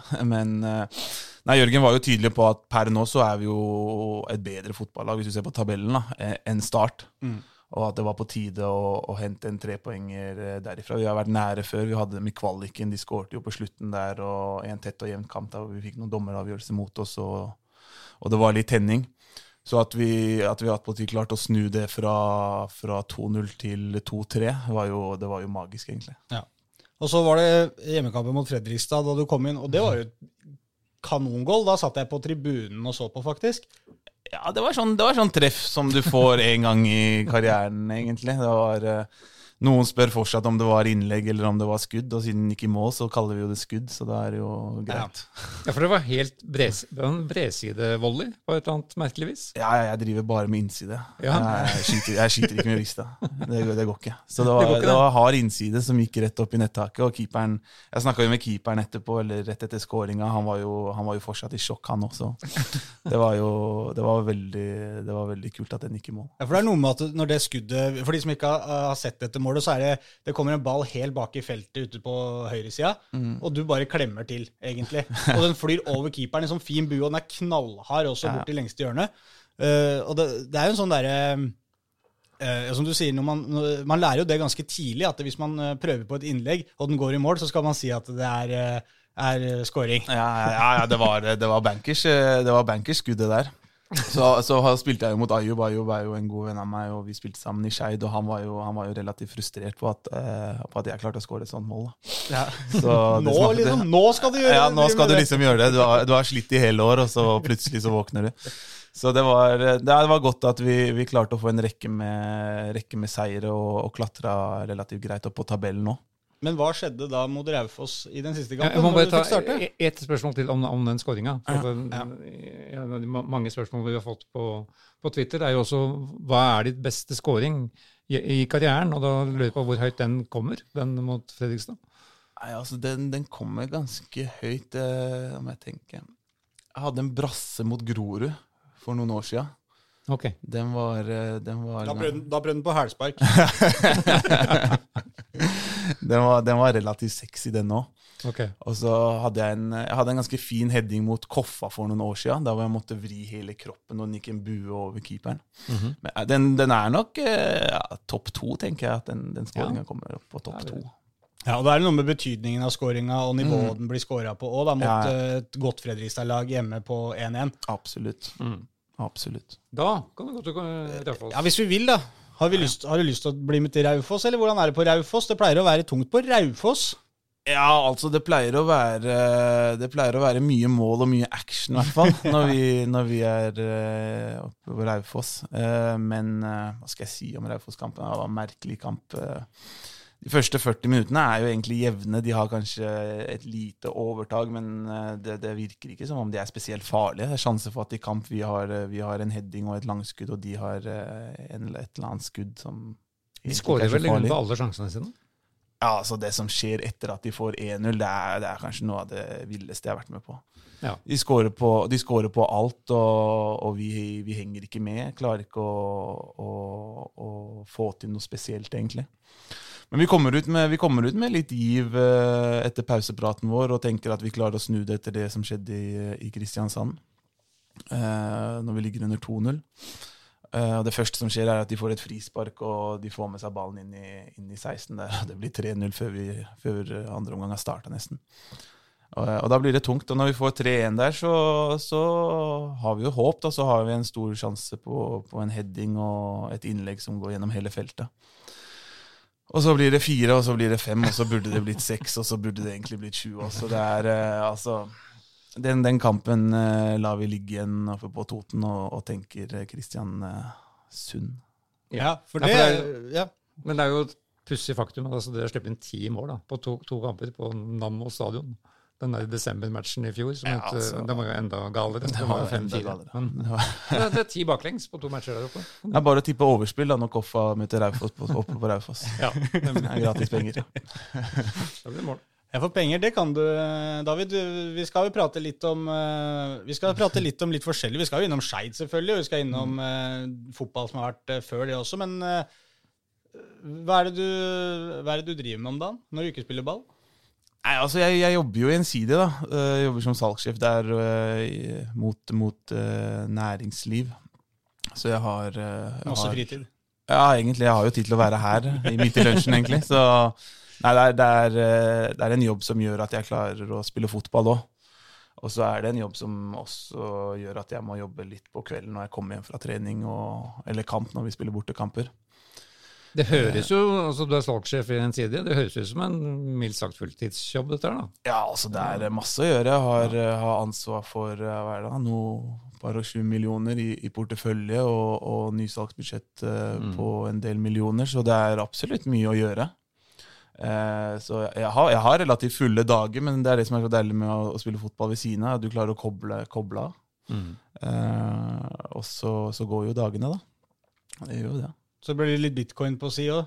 Ja, altså Vi prøver noen varianter der. og det er ikke, Jeg, ikke, jeg skal ikke spille fotball hele tida, og jeg er ikke så hipp på å jobbe de neste 50 åra. Så vi må, vi må, få til en jackpot og se hvor vi havner. Det må vi. Det var noen som spør, sendte et spørsmål her og spurte hvilken kryptovaluta bortsett fra bitcoin du ville anbefale. Nei, altså, jeg, jeg, tror ikke jeg gidder å, å, svare på det. Plutselig så får jeg noen hjem på døra fordi den, den gikk i null, så Ja. Men eh, tilbake til fotballen. Eh, Kristiansund, som du var inne på, er eh, kamp som spilles onsdag i cupen.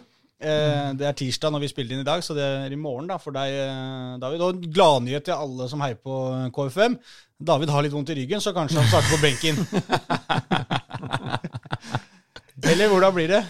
Nei, altså jeg ehm, nå, nå, spilte jeg jo første, første 90-minutteren på, på, mange måneder mot, uh, mot Raufoss. Og jeg føler meg egentlig ganske bra i beina og, og sånn generelt, men jeg fikk en, fikk en skink eller strekk i ryggen igjen på trening i går. Så må jeg egentlig bare se an om jeg klarer å bøye meg og, og, og, hva jeg får til. Men hvis jeg kan være med i troppen i morgen, så er det, så er det bra nok for meg, egentlig. For det er en kul, kul kamp?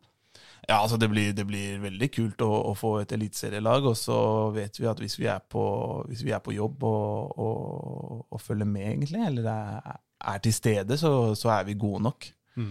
Uh, så jeg, vi håper jo på fullsatt Ekeberg, og så skal vi være det Koffa-laget vi, vi, kan være når vi er gode. Og satse på å gå videre.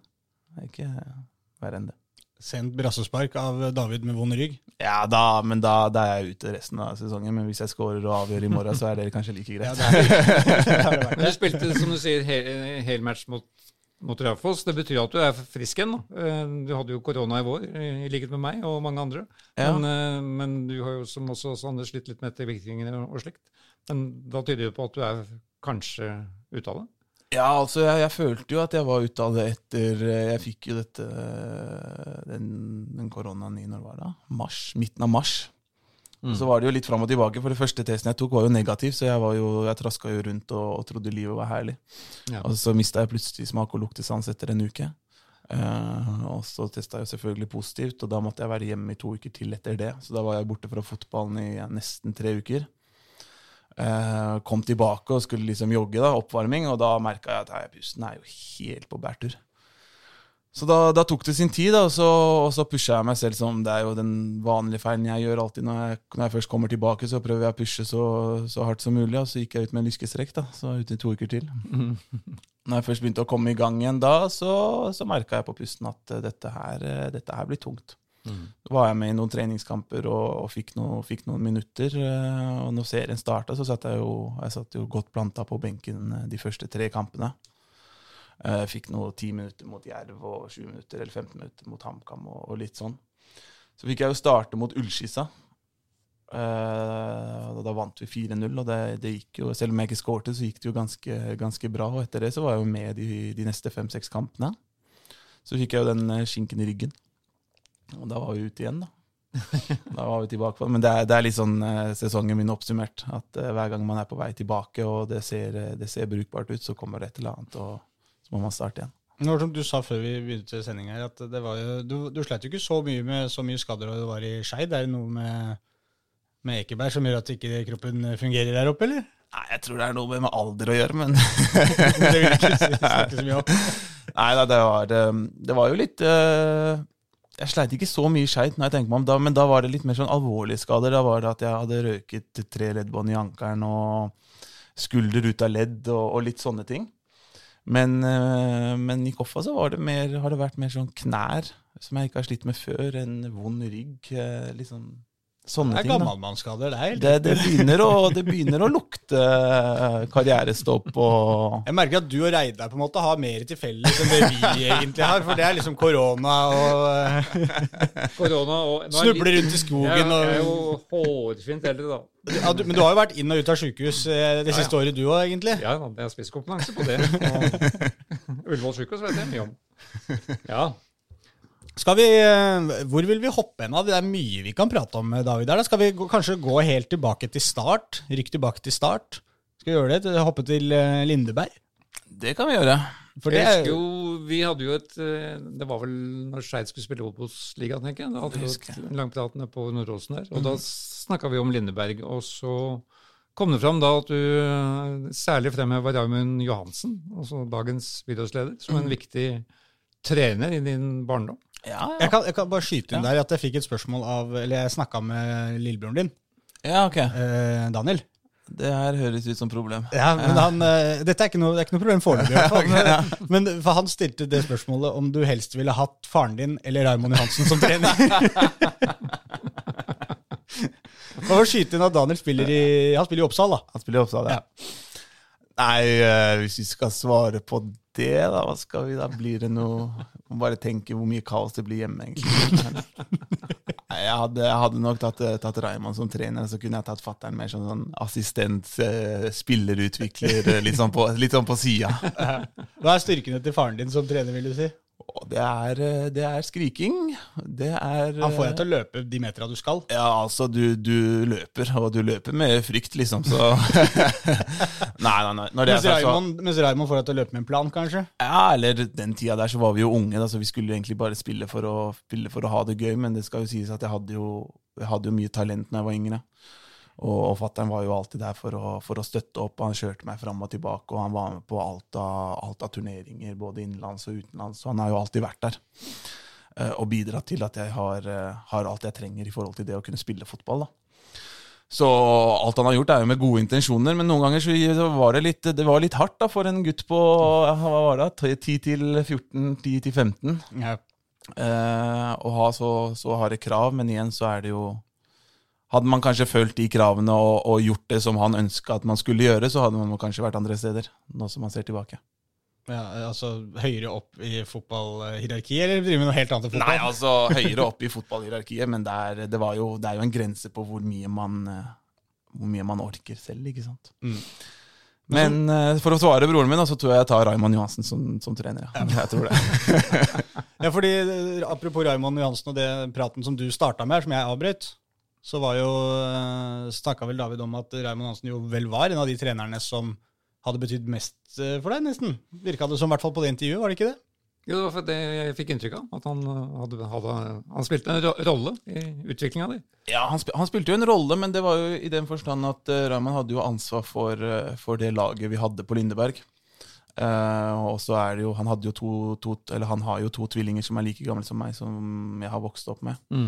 Så det, på den tida der så var det jo viktig å ha en som, som, kan, eh, som kan styre laget, en som kan være til stede for gutta. Og, eh, det var jo en del foreldre som var engasjert på den tida, inkludert min egen far.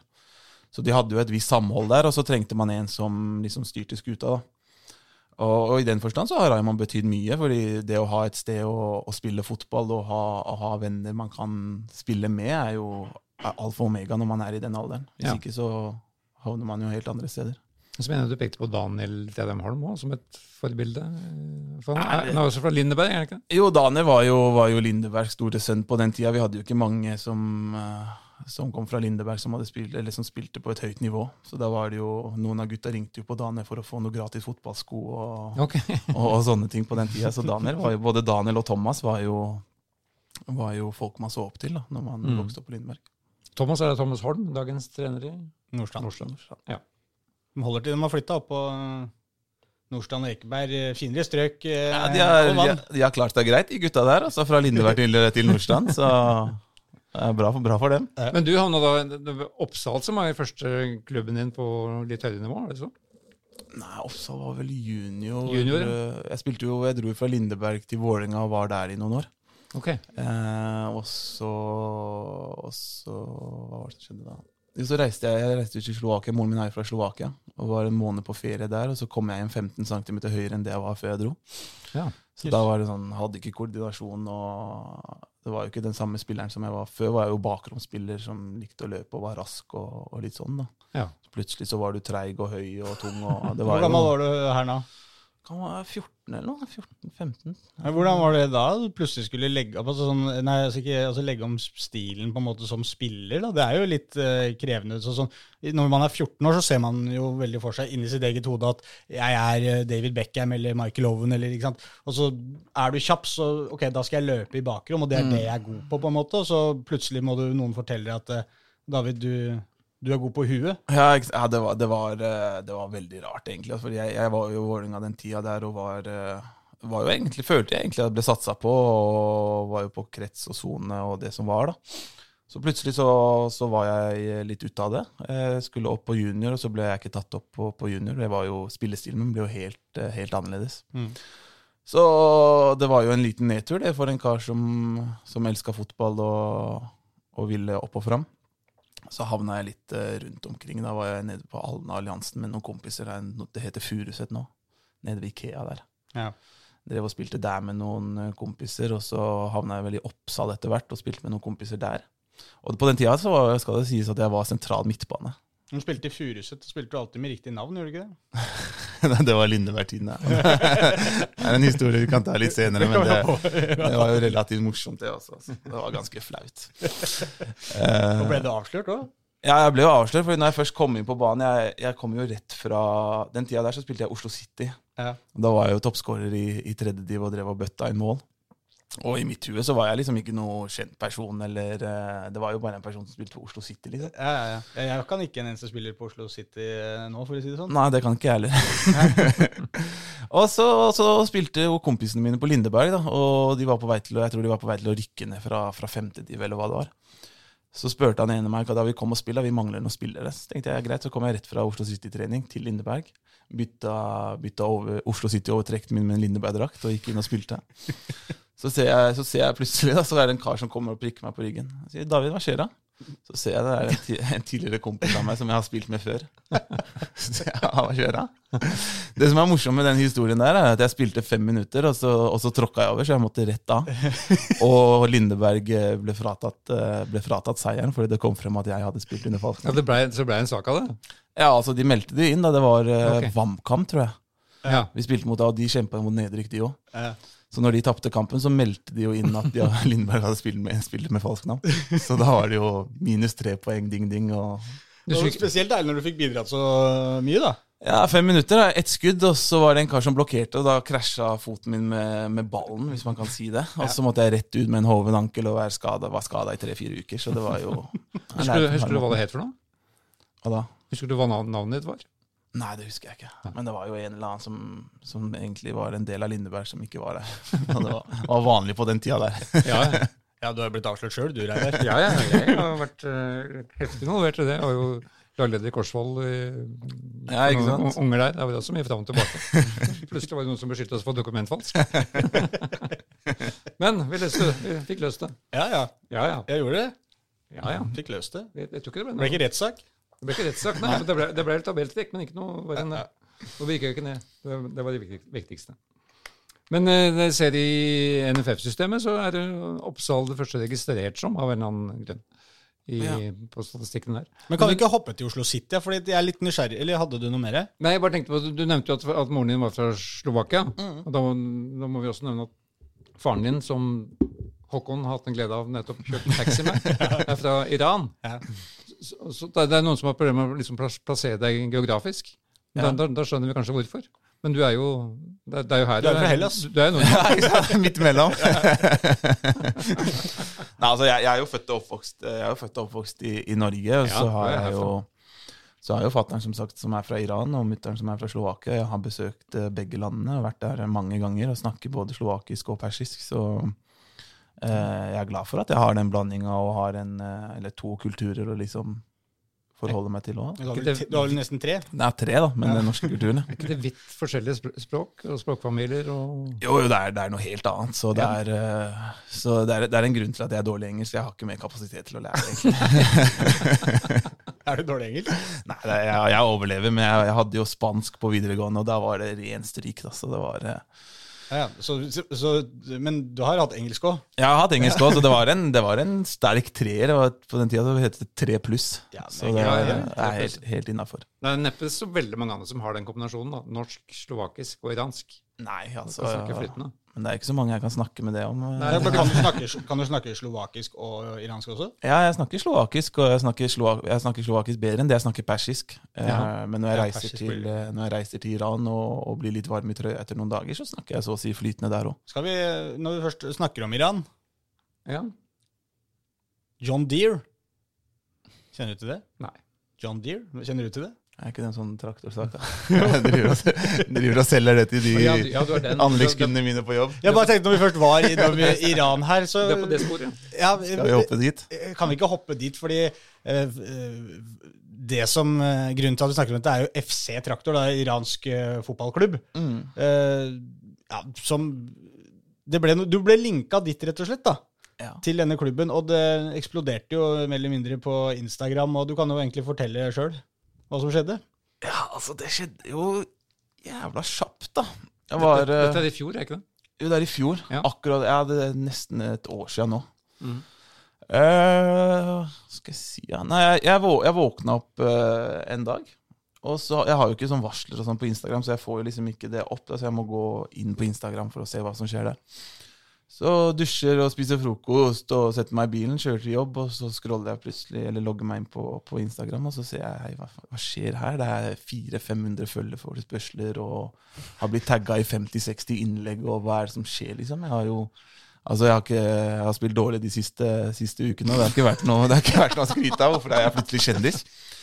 Så, så titter jeg, da, og så, og så ser jeg at det bare er eh, sånn eh, bare jeg, er rett og slett iranere som, som ønsker å følge meg. Og så logger jeg inn på, på innboksen min, og så ser Jeg føler jeg at på det tidspunktet her så kjenner jeg i hvert fall at jeg hadde fått litt eh, panikk, nesten. Sånn, hva er det jeg har gjort? Ja, altså, jeg, jeg, jeg ble svett. Altså. Det ble, det, jeg fikk puls og tenkte hei, hva, hva skjer her? Eh, og Så logger jeg inn, og så ser jeg at det, hva jeg har blitt tagga i. Og så er det noe sånn der, eh, traktor, FC fotballklubb og, og litt sånn. Og så, så blar jeg meg litt eh, opp og, og sjekker ut hva dette er for noe. Og, og mens jeg driver og styrer med dette her, så driver jeg og får masse meldinger på WhatsApp. Eh, og da får jeg sånne lydmeldinger. De, de Iranerne har jo et annen skri, skrivemåte, eller skriften er jo annerledes, så jeg skjønner jo ikke hva som står der, og de skriver jo ikke sånn som vi skriver. Så da får jeg masse lydmeldinger der hvor det står at hei, skal du komme, og vi venter på deg, og vi møter deg på flyplassen. 10 000 folk eh, ønsker deg velkommen, og de er jo, de er jo gærne der nede. Det er, fotball er, dette, jo er, ikke så, er dette et elitelag i Iran, eller hvor høyt oppe i systemet er dette? ja, Dette her er jo det laget som kom på tredjeplass og kvalifiserte seg for asiatisk Champions League. Ja, ok, Så det er topplag i Iran? Det er topplag med 80 000 på tribunen og full kok, liksom. Ja. Så, så vi, vi snakker liksom eh, Vi snakker noe seriøst. Det var ikke noe det jeg Iran eh, på en uh, potetåke med, med esler ved siden av. Det var noe, det var noe ordentlige greier. Det var ordentlige fans som tok kontakt her? Ja, de var, de var gærne. De var, og, så, og så fortsetter jeg å, å bla, da, og samtidig som jeg hører på de der WhatsApp-meldingene og tenker hva er det som foregår? Så ringer jeg, ringer jeg fatter'n. Og fatter'n, hva er det som skjer her? Og han får jo ganske sjokk, han òg. Mm. Vi er jo midt i, midt i covid, og landet er på vei til å falle sammen. Og, og det er mye som skjer der nede òg, da. Eh, Så svarer jeg noen av de agentene og sier hva, hva er det som foregår, og så sier de at nei, Traktor har, eh, har lyst til at du skal komme. Og tydeligvis i Iran så er det sånn førstemann til mølla-prinsippet som gjelder, så det er jo åtte eller ni agenter som skriver samtidig. Og da, det er ikke noe sånn at de skriver og venter for svar, så hvis du står at du er pålogga på WhatsApp, så da, da- fortsetter det, altså. Det er sånn, De ringer, ringer, hvis de ikke tar opp, så ringer de på nytt. Det er ikke noe, Man legger ikke på og venter på at du blir ringt tilbake. Nei. Uh, og så lar jeg det, det, jeg lar det ligge litt, og så kommer jeg på trening, og så er det flere av gutta liksom som begynner å spørre meg David, hva er det som skjer. At de har fått meldinger fra, fra supportere der som Kommer David? Få David til å komme. Instagrammen til Koffa er jo fullt av kommentarer med sånn trak traktor-emoji. uh, så det, det, var, det var ganske kaotisk, og så svarer jeg noen av de agentene, og så har jeg en sånn iransk agent som jeg har hatt kontakt med tidligere, som, som jeg spør hva er det som skjer. Han er ganske seriøs, da. Og han sier jo at uh, de ønsker at du skal komme, og, og sender over noe tilbud. Uh, hva, kan, hva de ønsker å tilby. da. Og det var snakk om en åtte, åtte måneders kontrakt med, med et syvsifra beløp. Ganske høyt syvsifra beløp. Eh, snakker jeg litt med fattern, og, og fattern har jo blitt ringt av, av familiemedlemmer i Iran og, og venner som han ikke har snakka med på 15-20 år. ikke sant? Hei, skal David komme til traktor, og, så videre, og så Eh, men, det, men heldigvis så, så roer det seg litt ned. De klarer jo å, å, å hacke Instagrammen min, eller rapportere min, min Instagram. Og så åpner de flere forskjellige Instagrammer i mitt navn, eh, hvor den ene har rundt 50 000 følgere. Og så er det en kompis av meg som driver og følger den Instagrammen. da. Og de legger ut storyer at jeg er på vei til Tyrkia for å, for å signere kontrakt Med traktor. med traktor. Fremdeles? Fremdeles. Ja, nei, ikke nå. Nå har det jo, nå har det jo roa seg. Det begynte å ta seg opp litt nå etter at jeg skårte det, skårte det målet mot Fredrikstad. Så, så, begynte, så så jo de Det ble jo lagt ut på en sånn der iransk Instagram-side. Og Da var det jo plutselig 120 følgere igjen som, skulle, som ville følge meg og, og bli tagga i en haug av innlegg, men det har roa seg litt nå. uh, men da var jeg plutselig på vei til Tyrkia, da. Og når, når det kom ut, så var jo de agentene på igjen, fordi alle ville jo at de skulle være den personen som Du var i Tyrkia? Nei, altså, Nei, jeg, nei, var, nei, jeg var hjemme. Jeg Ja, ja, ja. Var, var på Ekeberg. Jeg tenkte kanskje du plutselig Men- dro men på ferie var- til Tyrkia. Nei, nei, nei. Det var bare, no, bare noe fake greier. De hadde lagt ut et bilde av en person som var på, var på vei til Tyrkia. Ja, ok. Eller ja, i et fly, da. Og sa at det var meg som var på vei til Tyrkia. Så det var, ja, det var kaos. Si litt om fotballens galskap, altså, dette her. Ja, altså, altså så, jeg så jo litt på YouTube og, og sånt, og så så jeg noen av de kampene deres. Der var det som sagt 80 000 på tribunen og full kaos og slåsskamper. Og det var jo passion, og det er jo fotball der nede. Det er jo stort. Det er jo, det er jo Folk bryr seg. Ja. Så det var en del av meg som, som hadde lyst til å, å dra dit og oppleve det, men samtidig som hvordan situasjonen var, både med tanke på covid og hvordan situasjonen i Iran var, så var det egentlig greit. at Ja, for jeg, jeg tenker sånn, i hvert fall du som er da faren din som er iransk, og du Mm. har koblinger til Iran, spiller for et sånt publikum, på en måte, eh, opplever noe helt annet, da. Det, er jo, det, det høres jo sinnssykt kult å bli mottatt av flere tusen på en flyplass når du liksom er vant til å spille på Nordre Åsen og Ekeberg, på en måte. Det er jo eh, og, Oksene er kule, de òg, da. Ja, ja, ja, de er kule, de òg, men det er sånn eh, Ja, ja, det er bra. Jeg liker svaret, David. Det, det kunne vært en ganske eksotisk reise, da. En opplevelse. Men det er Men hvor konkret var det? Nei, altså det var eh, såpass konkret at de hadde så vidt, Eller dette her har jeg ikke fått bekrefta selv, da, men de hadde tydeligvis eh, sportsdirektøren i Traktor hadde tydeligvis ringt en, eh, en iraner som jobber i Vålerenga. Dette, dette er bare blitt fortalt. Ja, Som igjen skulle snakke med meg, eller som skulle snakke med agenten min Ima, da, og prøve å få dette her til. Så, så det siste tilbudet jeg fikk, var jo en åtte måneders kontrakt med 200, for 200 og, det, 220 000 dollar. Eh, Så det var, jo, det var jo snakk om penger, og de skulle jo De var jo klare til å ta meg imot, da, så vidt jeg forsto. ja. Men, eh, men det som skjedde videre, er jo at eh, to uker etter at jeg sier nei, så får jo både sportsdirektøren, treneren og, og alle andre i den klubben der sparken. ja. Så da var det jo like greit at jeg ble hjemme og dro- på jobb. da, Dro til en. Det er fete kontrakter, men du vet jo aldri om du får hele beløpet heller.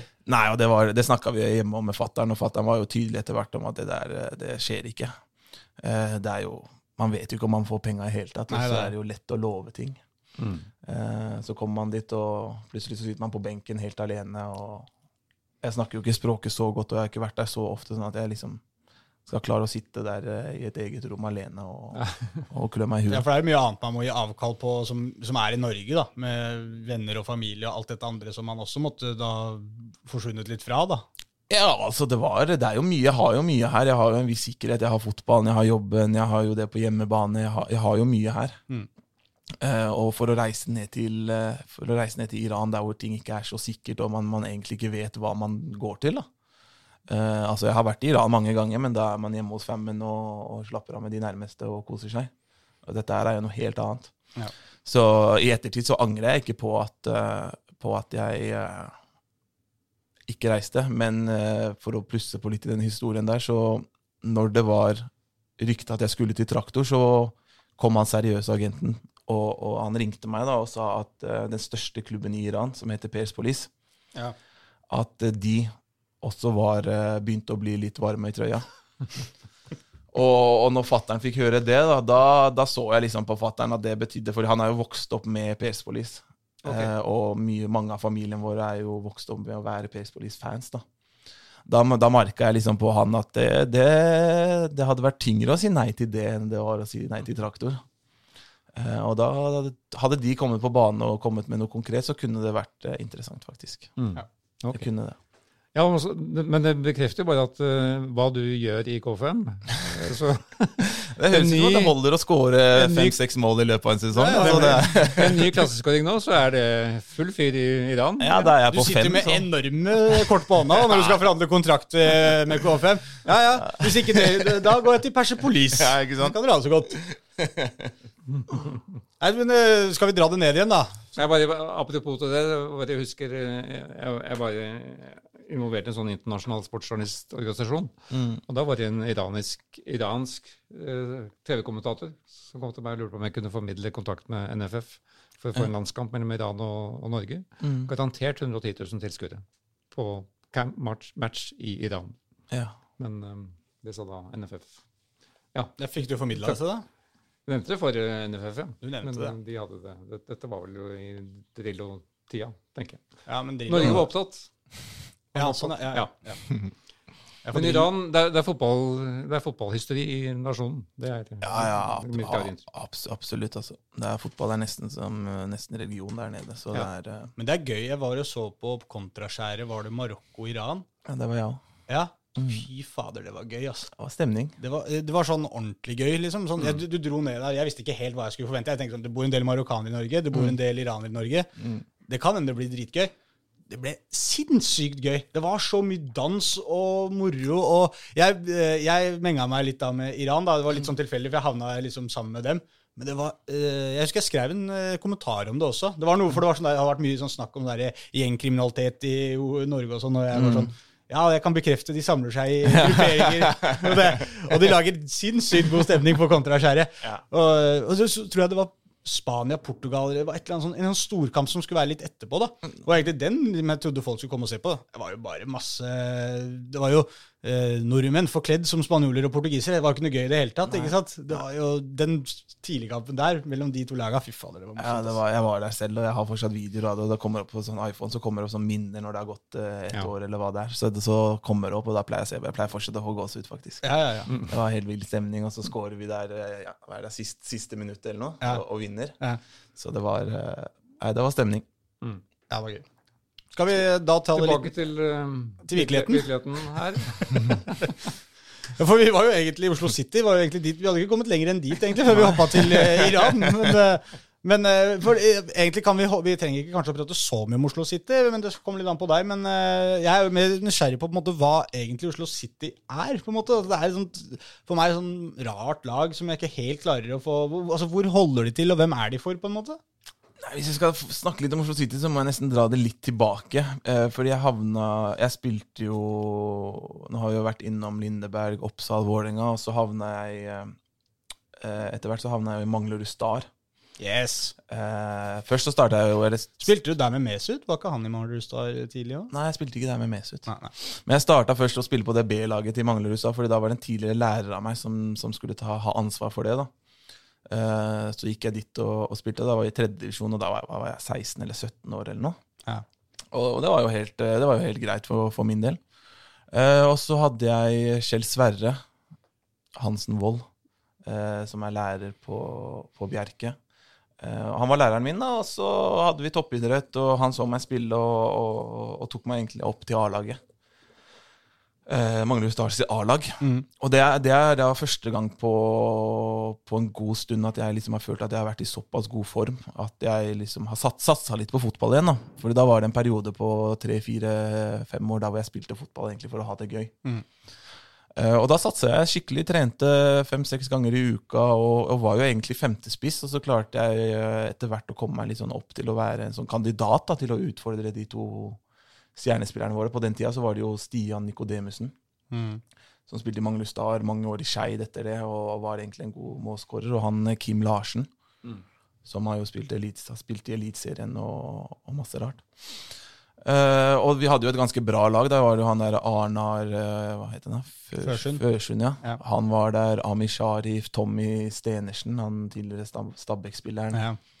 Eh, og gutta tjente penger, og det var jo, det var jo skikkelig topplag som skulle opp fra andredivisjon til eh, Hva var det det het på den første divisjonen? Adeccoligaen? Adecco, kanskje. Ja. Kan godt kalle det førstedivisjon. Ja, første divisjon.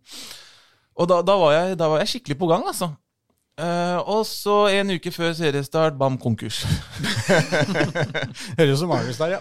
Ja, altså da var, eh, Da var det tydeligvis en eller annen søppelsekk med, med regninger som hadde blitt funnet, og, og det laget gikk jo gikk jo dass. da. Det var jo ikke Hvilket år er vi her nå? Er dette Åh, da jeg gikk tredje videregående. Da er jeg Det er, det er vel elleve år siden nå, er det ikke det? ja.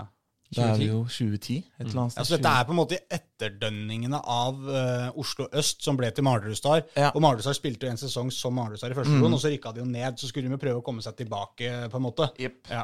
Noe i den duren der, ja. Og da hadde de masse, masse stjernespillere og, og var egentlig regna som det laget som skal rykke opp, da. Mm. Og så går det laget konkurs, eh, eller det ryker jo en uke før eh, seriestart, og da klør jeg meg i huet liksom, hva er det jeg skal finne på nå? For nå hadde du, sats, altså, nå hadde du trent og satsa og liksom eh, Altså, nå var, jeg- nå var jeg i god form, Ja. og, og følte egentlig at uh, nå, nå satser jeg. Nå, Nå skal jeg vise meg fram. Nå skal jeg liksom bruke tid på fotballen igjen, og da var jeg Fysikken var bra. liksom det er, det er lenge siden jeg følte, følte meg så bra da, som jeg gjorde på den tida der. Mm. Samtidig som at jeg var ung. Jeg var jo bare 17-18 år eller noe. Mm. Eh, og så går det noen uker, da, og så har jeg liksom Jeg har ikke lag. Serien har starta, jeg har ikke lag. Det er ikke, overgangsvinduet er jo stengt. Eller man kunne jo man kunne jo signere spillere, men hvem er det som liksom skal signere en 17-åring som, som ikke har noe å vise til? Nei.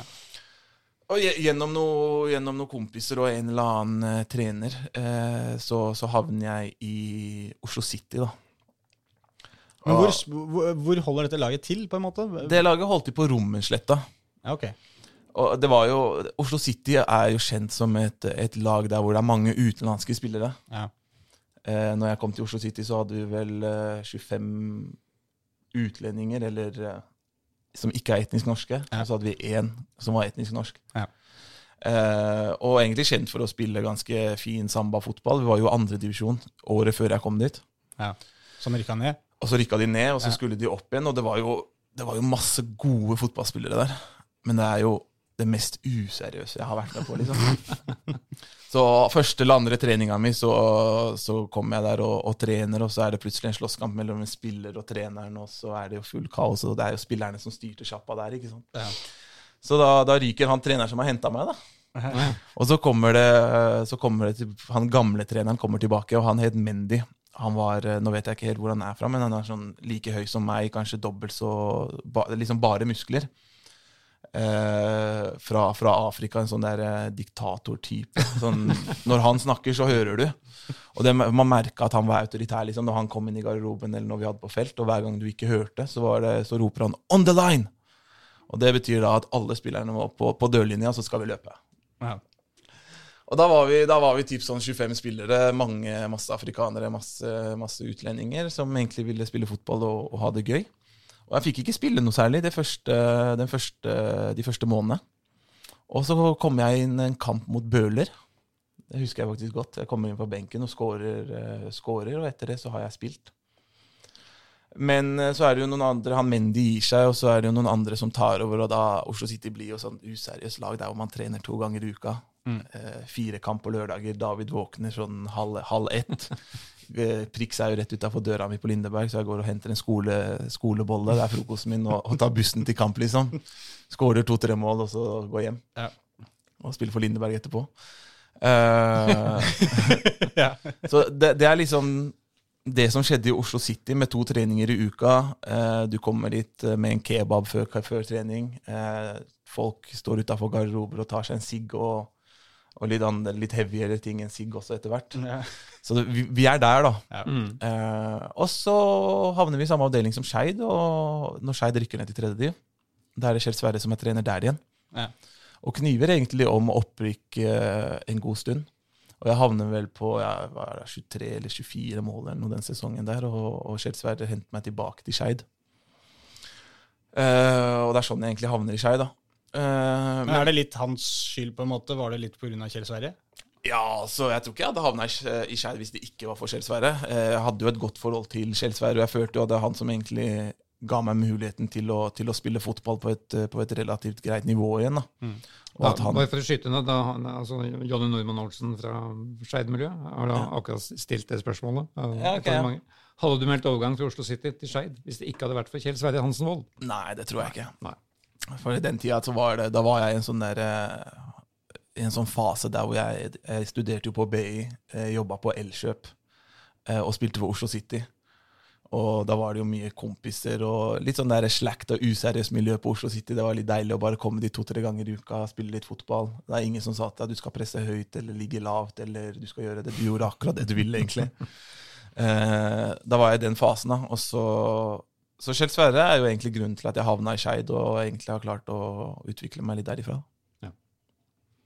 Og da ble det et, et litt annet seriøst nivå, seriøsitetsnivå, skjønte jeg, da, etter hvert i, i Skeid enn i Oslo City. Ja, så ble jeg, Det er jo første gang jeg har blitt kjøpt. altså så Skeid betalte vel 20 000 øh, for å hente meg fra, fra Oslo City.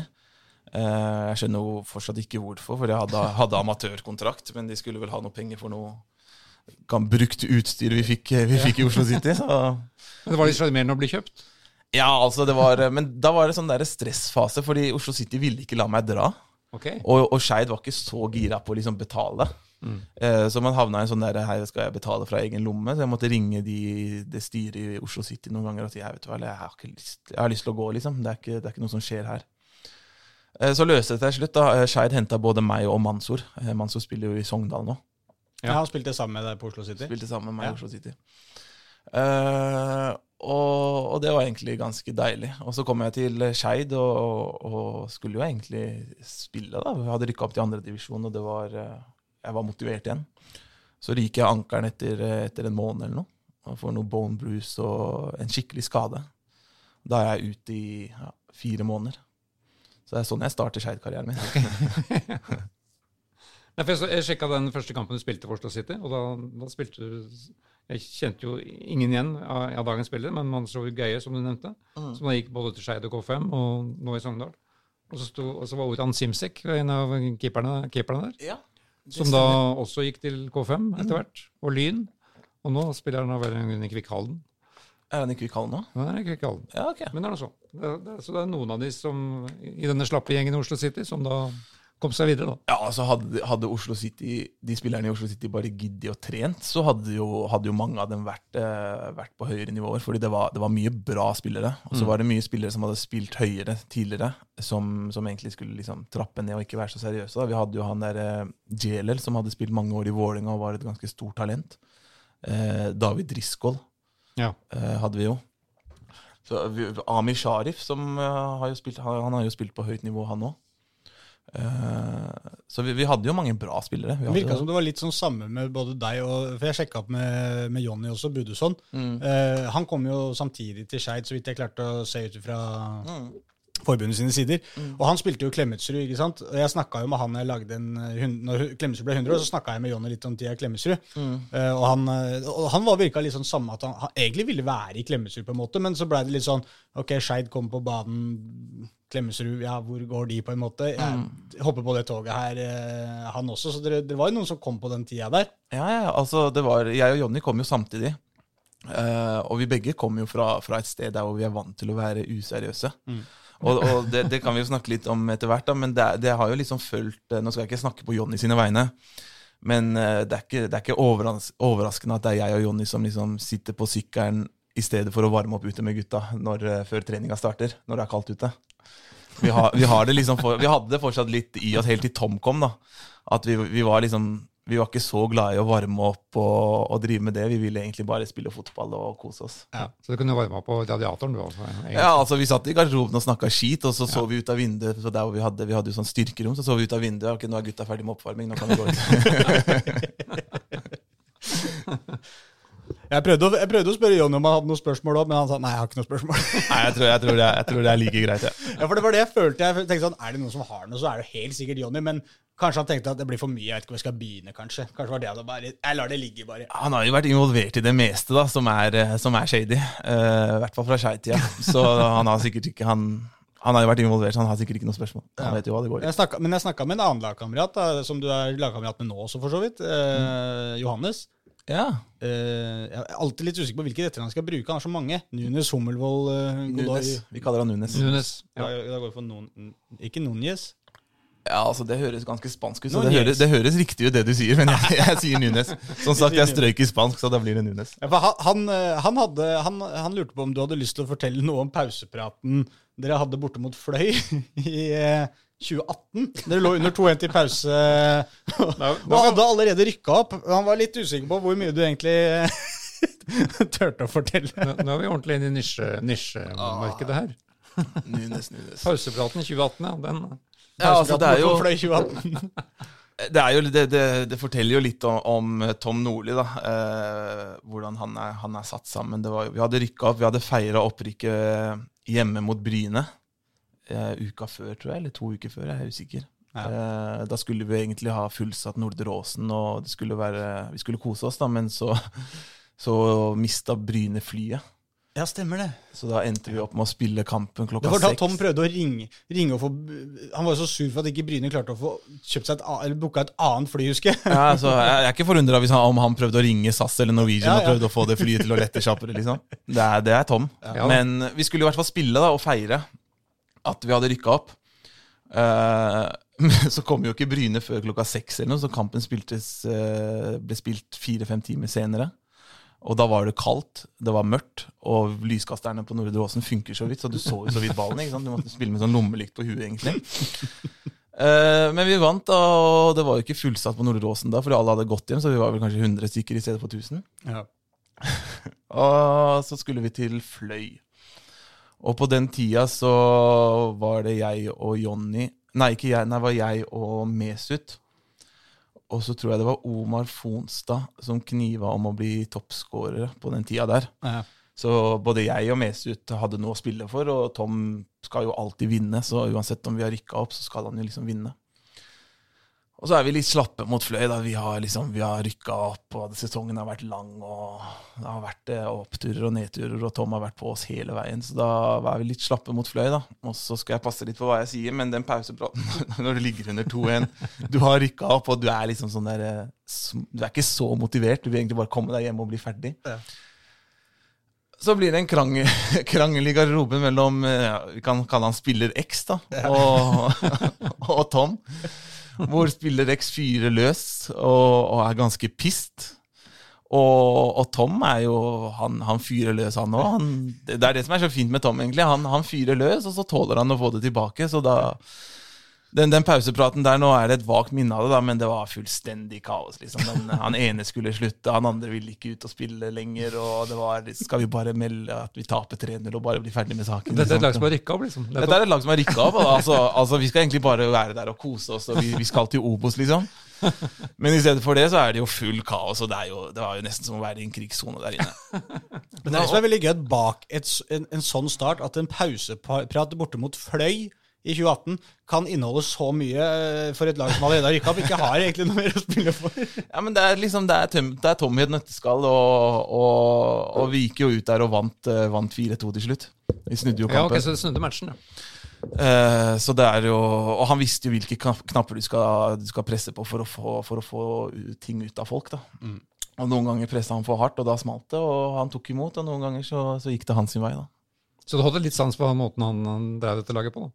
Skjønner jeg. Altså, Tom har gjort, oss, Tom har gjort mye for Skeid. Altså det han, har- han har gjort Skeid til en mer profesjonell klubb enn det, det vi var. For som sagt, så var jo Jeg og Jonny drev jo og sykla inn når det var oppvarming ute. Og altså, vi spilte spiss sammen den tida der. Det var ikke mye løping. Det var eh, du er med når ballen er eh, i 16-meteren til motstanderen, liksom. Hvis du ikke har ballen, så løper du ikke. Nei, Det var ikke verre enn det. Så han gjorde Skei til en, til en semiproffklubb fra å være en type sånn amatørklubb. Det gjorde han. Mm. Så man skal ikke ta fra Tom det, altså. Så fikk han jo Han rykka jo opp, da. Så. Nå dytta han jo Budesson vel ut på kanten, jeg husker jeg Jonny var ikke så fornøyd med at han måtte spille ut på kanten der i starten. Han bøtta jo inn mål, da. Altså, hvis, hvis det kalles å spille kant, så, så, så vet jeg ikke. Men Jonny, Jonny spilte venstrekant på papiret, men eh, jeg tror ikke han Det var ikke ofte han var nede og hjalp, eh, hjalp bekken sin. altså Det var ikke det. Så Hvilken side på, på Skeid var det som var best? da? Var det høyre eller venstre side? oh. Den, eh, nei, og når jeg spilte med, spilte med Jonny, så spilte jo Jonny venstre, og, og jeg spilte i midten, men Jonny var jo ganske Han var jo en innoverkant, da, kan man si. Eh, en innoverkant slash spiss. Eh, så vi, vi, har jo, vi har jo god kjemi, jeg og Jonny, hadde masse assist og, og la opp til hverandre, så den tida der så var det gøy. Altså. Da hadde vi Jonny, da hadde vi Bruno Leite, vi hadde Jens, og nå har jeg sikkert glemt mange. Vi hadde jo Nunes som begynte å komme etter hvert, og var en fin spiller å spille med. Så vi hadde et ordentlig bra lag, spesielt det året vi rykka opp, når vi fikk inn, eh, vi fikk inn Moa, Mesut, Kevin. Eh, Jonny var der, Nunes var der, og en del andre. Ja, Mansour bak der, vel. Ja. Mansour var bak der, vi hadde Idar i mål. Eh, altså, Nå har jeg sikkert glemt mange. Vi hadde Hassan, vi hadde Henning. Eh, vi, hadde, vi hadde egentlig helt, Høres ut som du har nevnt det meste. hadde helt, helt enormt Du var din mellommann. Ja. Vi hadde det. Men det gikk ikke så bra. i- Det var, det var jo mye surr da, men de måtte spille på Intility når dere rykka opp. og Det var vel midt i den sesongen da, da du gikk til K5? var det ikke? Hva er det som skjedde da? Nei, altså, det var jo kaos fra, fra topp til uh, tå. Altså, det var uh, Jeg er fortsatt ganske irritert over at vi, at vi eller at Skeid rykka ned, eh, og hvor på måten det skjedde på. Fordi vi klarte ikke å få på plass uh, Nordre Åsen på en helt sånn rar måte. Nå vet jeg ikke om det er kommunen sin skyld, eller hvem sin skyld det er. Koffa fikk jo opp den kunstgressbanen, den nye kunstgressbanen sin på en og en halv måned, liksom. Mm. Så Råsen holder hun på ennå. Ja, altså, det er helt Jeg, får vondt. Jeg får vondt Men det kan vi komme tilbake til senere. å tenke på det. Nei, så Da ender det med at vi, vi starter sesongen på Nordre Åsen og tar egentlig, jeg tror vi tar sju, sju av ni mulige.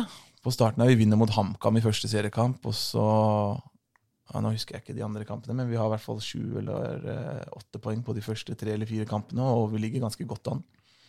Og så må vi flytte, så skal vi spille kamper på Intility. Så skal vi trene på idrettshøyskolen. Og idrettshøyskolen, der har vi garderobe med de som skal trene inne på treningssenteret. Så det er liksom som å være på, være på Sats, da. Når du kommer inn i garderoben på Sats, liksom, og så er det en eller annen eh, kar som, som dusjer med deg, og ja, Det var så useriøst. Eh, og så trener vi en dag trener vi tre, en dag trener vi fire. Plutselig så må vi trene seks, og så er det folk som driver og løper rundt banen vår, og så er det noen sånn speedkastere, og så er det noen som hopper over uh, Hva er det man kaller det når man hopper? Sånn, Hekker? Ja, sånn, Nei, sånn. nei, så er det, Eh, List, bom Nei, list. Hopper over lista. ja, noe sånn høydehopp, ja. Stavsprang, tenker på. Stavsprang er det. Altså, det er, det, er så, det er så mye rart eh, som, som skjer der. Jeg husker jeg hadde noen samtaler med Tommel Nordli om det, om hvordan han måtte jage politifolk. fra den der eh, Ja, ja, det var jo liksom Tom drev og roper Hadde du likt hvis jeg hadde kommet hjem til deg mens du er hjemme, på din hjemmebane? Nei, svarer han. Nei, så hvorfor står du midt på banen når vi trener, da? Måtte drive og forholde, seg- forholde Så du går på løpet i bakgrunnen, plutselig må du svinge unna et spyd som kommer susende. Og, eh, Ja, Det var jo en sånn mosjonist som ikke ville løpe rundt banen, så han, ville, så han løp på gresset på utsida av de linjene. Så det var jo nesten Vi krasja med dem, og det var jo Altså, det var helt eh, Det var helt kaos. Uh, og så trener vi på idrettshøyskolen, og den banen er jo ja, 15 meter mindre enn Intility. Mm. ja. Så det er, det er ganske stor forskjell mellom den banen vi trener på, og den banen vi skal spille kamper på. Uh, så he, hele liksom, den sesongen der jeg, jeg tror ikke vi vant en eneste kamp jeg, på tid. Nei, det stemmer det. Men dere hadde jo noen vanvittige poengtap på slutten her, da, i sluttminutter og Ja, vi hadde jo det. Altså. Det var mye 1-0 eller 2-1 og ettmålstap. Det var mye av det. Ja. Men uh, det endte jo med at uh, jeg i midten eller i slutten av august melder overgang til Koffa. Eh, etter mye frem og tilbake. Så var det egentlig det det beste både for meg, men også for, for Skeid, egentlig, når man tenker tilbake på det. Eh, og dessverre så, så rykker jo Skeid ned. Eh, uheldig som, som fy, men de rykker jo ned, da, så da så da blir det jo sånn som det blir, da. Mm. Mens jeg spiller kvalik i Kristian, eh, Kristiansand. Ja. ja, hvordan var det? Nei, altså da jeg kom jo til Koffa, så skårte jeg jo Jeg skårte jo første mål først, i første kampen mot Notodden. Eh, og så spiller vi mot Skei da, neste kamp. Ja. Og så blir jeg eh, matchvinner der med en to Vi vinner 2-1. Det sånn, det var en sånn rar følelse, altså, at eh, jeg hadde jo egentlig senka min egen klubb. Den klubben som jeg har, eh, som jeg har vært i alle år, og som sleit nede, nede på, på tabellen. Så det var sånn, det var sånn blanda følelser. Eh, det var det. Det var, ikke, det var ikke så gøy som jeg trodde det skulle være. Nei. Nei. Så, så, når du, eh, så når du gikk fra Skeid og sier det var det beste kanskje for alle, så var det ikke det beste for Skeid kanskje akkurat i den kampen, da? Nei, Ikke, ikke akkurat i den kampen. Og hvis, hvis de hadde holdt seg, så hadde jeg jo sagt Så hadde jeg sittet her og sagt at ja, det var dritgøy. liksom Det Ja. spiller ingen rolle. Men når det viser seg at det kan være den kampen der hvor de mista det ene poenget, Ja. eh, sånn at de, de rykka ned, så er det jo litt sånn kjipt å tenke på. Så, så da gleder du deg kanskje over at de eh, nå gjør det bra igjen i andre divisjon? da, Fort kan rykke opp? Kan du senke dem igjen neste sesong, hvis du vil. Nei, altså jeg er veldig glad for at Skeid eh, Skeid leder nå håper og holder hele veien, egentlig. Det trenger både Skeid og Oslo-fotballen. Skal vi ta noen av disse spørsmålene som egentlig tangerer med noe av vi innpå inne på her? Ja, gjør det. En som heter Stian spør om det. Vurderer du comeback i Skeid? Savner du botsystemet i klubben? Ja, altså vi får, jo- Man vet jo aldri hva som skjer, eh, skjer i fremtiden. Jeg skal ikke legge skjul på at jeg, jeg er glad i Skeid, og jeg følger fortsatt med i Skeid. Jeg er på, jeg er på Nordre Åsen og ser kamper når jeg har mulighet til det, og, og heier litt på dem. Det, jeg gjør jo det. Du er vel ikke bare på Nordre Åsen for å se kamper? Fikk vi ikke inn et spørsmål om det òg? Jo, Frode Lia? Frode Lia spør jo om det. da. Hvorfor legger du egentreningsøktene til Nordre Åsen? Egentrening. David og egentrening i samme setting, det må være noe, det må være noe feil der. Kanskje han har sett, han har sett feil? Ja, altså Jeg hadde én egentrening der i, i covid, eh, i covid-perioden i fjor. Ok. Men det, men det kan jo være at jeg, jeg, jeg savna å få den eh, godfølelsen jeg hadde på Nordre Åsen. Du vet, Jeg måtte få litt selvtillit og ta med meg den selvtilliten tilbake til Ekeberg, sånn at jeg skulle skåre noen mål igjen. Så jeg måtte besøke Nordre Åsen. Og så spør du da Jonny Nordmann Olsen. eh, Savner, savner du Skeid-oksenes eh, Tavakoli-rop? Ja, Ja. det var, det var Hva var det igjen? Var det den Tava Ja, det var den Tava, Tava... det Tava, Stemmer det? Det eh, var fin, den. Nei, det må de, nå har jeg vært på noen Skeid-kamper, og så har jeg, jeg har ikke hørt at de har noe- noen nye rop der, så det må de bare, det må de bare få på plass. Altså, fordi det Venter på at du kommer tilbake, kanskje? Da, så Ja, kanskje det. Så nå, men nå ser jeg jo at eh, Jonny har tatt nummer ni og, og litt sånn, da, så jeg må egentlig vente til han, han gir seg, tror jeg. For det spør jo en annen også her, en som heter Gunnar A. Eh, forskjellen på profetene og oksene? Profetene består jo litt av, av den, den yngre generasjonen. Mm, litt, mer, litt mer kids som lager, som lager liv, og så har de jo litt trommer og, og, og litt sånne ting. Mens, eh, mens oksene er jo litt mer eldre folk som har, som har fulgt Skeid i mange år. Eh, har, eh, har noen sanger og har noen rop som er både dedikert til eh, spillere, men også er til, til selve Skeid. Ja. Så har jo profeten har jo han eh, Bosse, som vi kaller det, som er, eh, som er lederen der, og han lager jo liv når han er på kamper. Jeg føler at de er litt avhengig av at han er der. Ja, de er nok, eh, de er nok Hvis Bosse er på ferie, eller Ja. hvis ikke han er til stede, så, så kan det fort bli ganske stille på, stille på Ekeberg. Men de har noen morsomme, når de først er litt folk, så har de noen morsomme sanger, de profetene også, syns jeg. da. Ja, altså Den 'Vi skal til Champions League'-sangen, den, den, den ler jeg nesten alltid av. Altså, det er, den kan man spille om eh, For den tror, jeg, den tror jeg samtidig at du provoserer litt eh, motstander nå. Det er det som er litt deilig. At det er sånn, Bare Koffa leder 1-0 mot. Så er det, vi, skal, vi er på vei til Champions League, liksom. Hvem tror de at de er? Ja, de, de, har de, de har de sangene, og så har de, jo, de har jo en sang som er dedikert til Jørgen også, som viser at uh, Jørgen har betydd mye for, uh, for Koffa, så det er jo, det er jo fint, det òg, altså.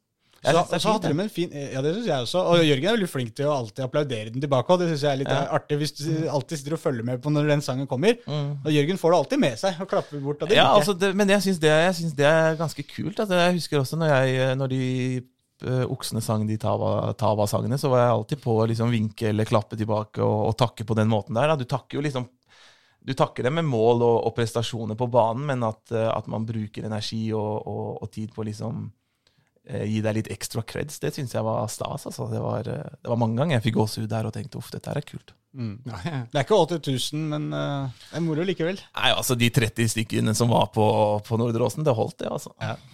Kan jeg bare skyte inn det min favorittsupportersang fra KFM, eh, som de har sunget? Det var når de spilte på gamle Altså det på KFM Arena, da, på andre Mm. sida av veien. og motstanderlaget skøyt langt over mål mot byen. Ja.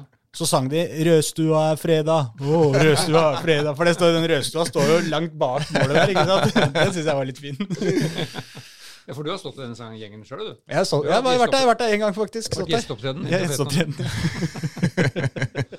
Et annet spørsmål fra, eh, tilbake til Jonny igjen i, i Skeid. Jeg vet ikke om du er enig i premisset, men uh, han spør hvorfor er Skeid Kjelsås byens per i dag største, heftigste lokaloppgjør?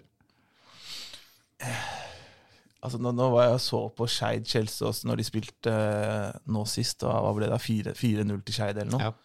Altså, det var, eh, det var ganske tynt da, altså. Men, det, men Scheid, det ser ut som at Skeid er eh, et par, par steg foran, foran Kjelsås nå, Kjelsås nå, spillmessig. Eh, og det Derby har jo blitt, det har jo blitt skapt både av de spillerne som var der. Nå spiller jeg med Toye, da. Ja. Så vi har, snak, snakka litt om det, og da var det ofte sånn at de også var ganske gira før, eh, før de skulle spille mot Skeid. fordi det var jo litt sånn drittslenging, og dere i Dagsavisen var jo litt på og skrev litt saker om det. Intervjua både Tom og Ja, ja. intervjua han, hva heter han, Kampen. ja. Og, og det, ble liksom, det ble litt sak ut av det, da. Og da merker man automatisk at, uh, at man vil litt mer. Så har jeg en historie da, fra, fra Skeid eh, Kjelsås, en av de Derby-kampene der. Vi skulle spille mot eh, Kjelsås i cupen. Åh, den husker jeg. Den Ja. Og før kampen der, da, så har vi, vi, har, uh, vi møtes på Nordre Åsen, og så skal Tom komme inn, og så skal han snakke litt og, og gire oss litt opp, da. Så har Tom en sånn mappe som han holder i hånda si.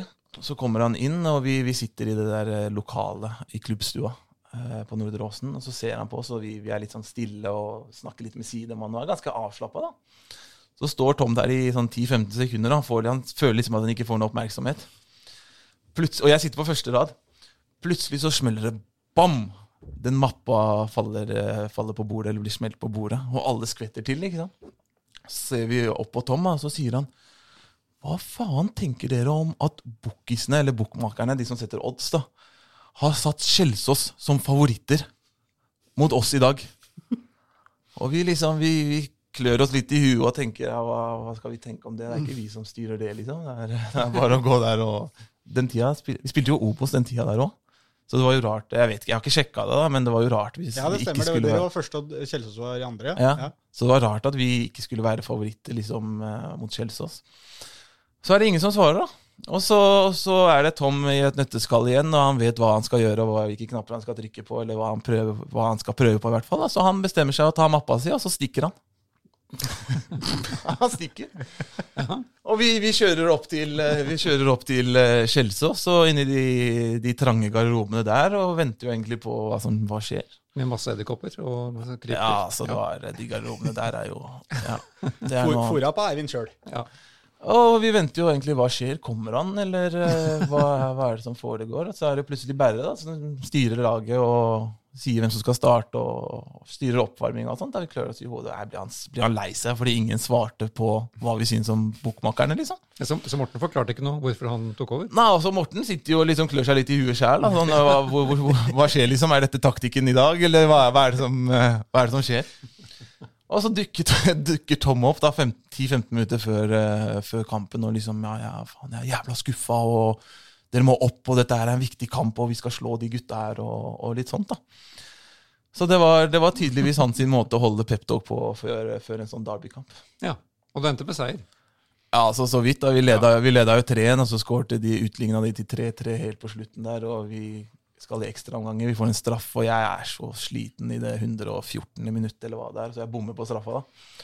Men så skårer jo Sander Flåte på, på, på retur når vi vinner eh, 4-3.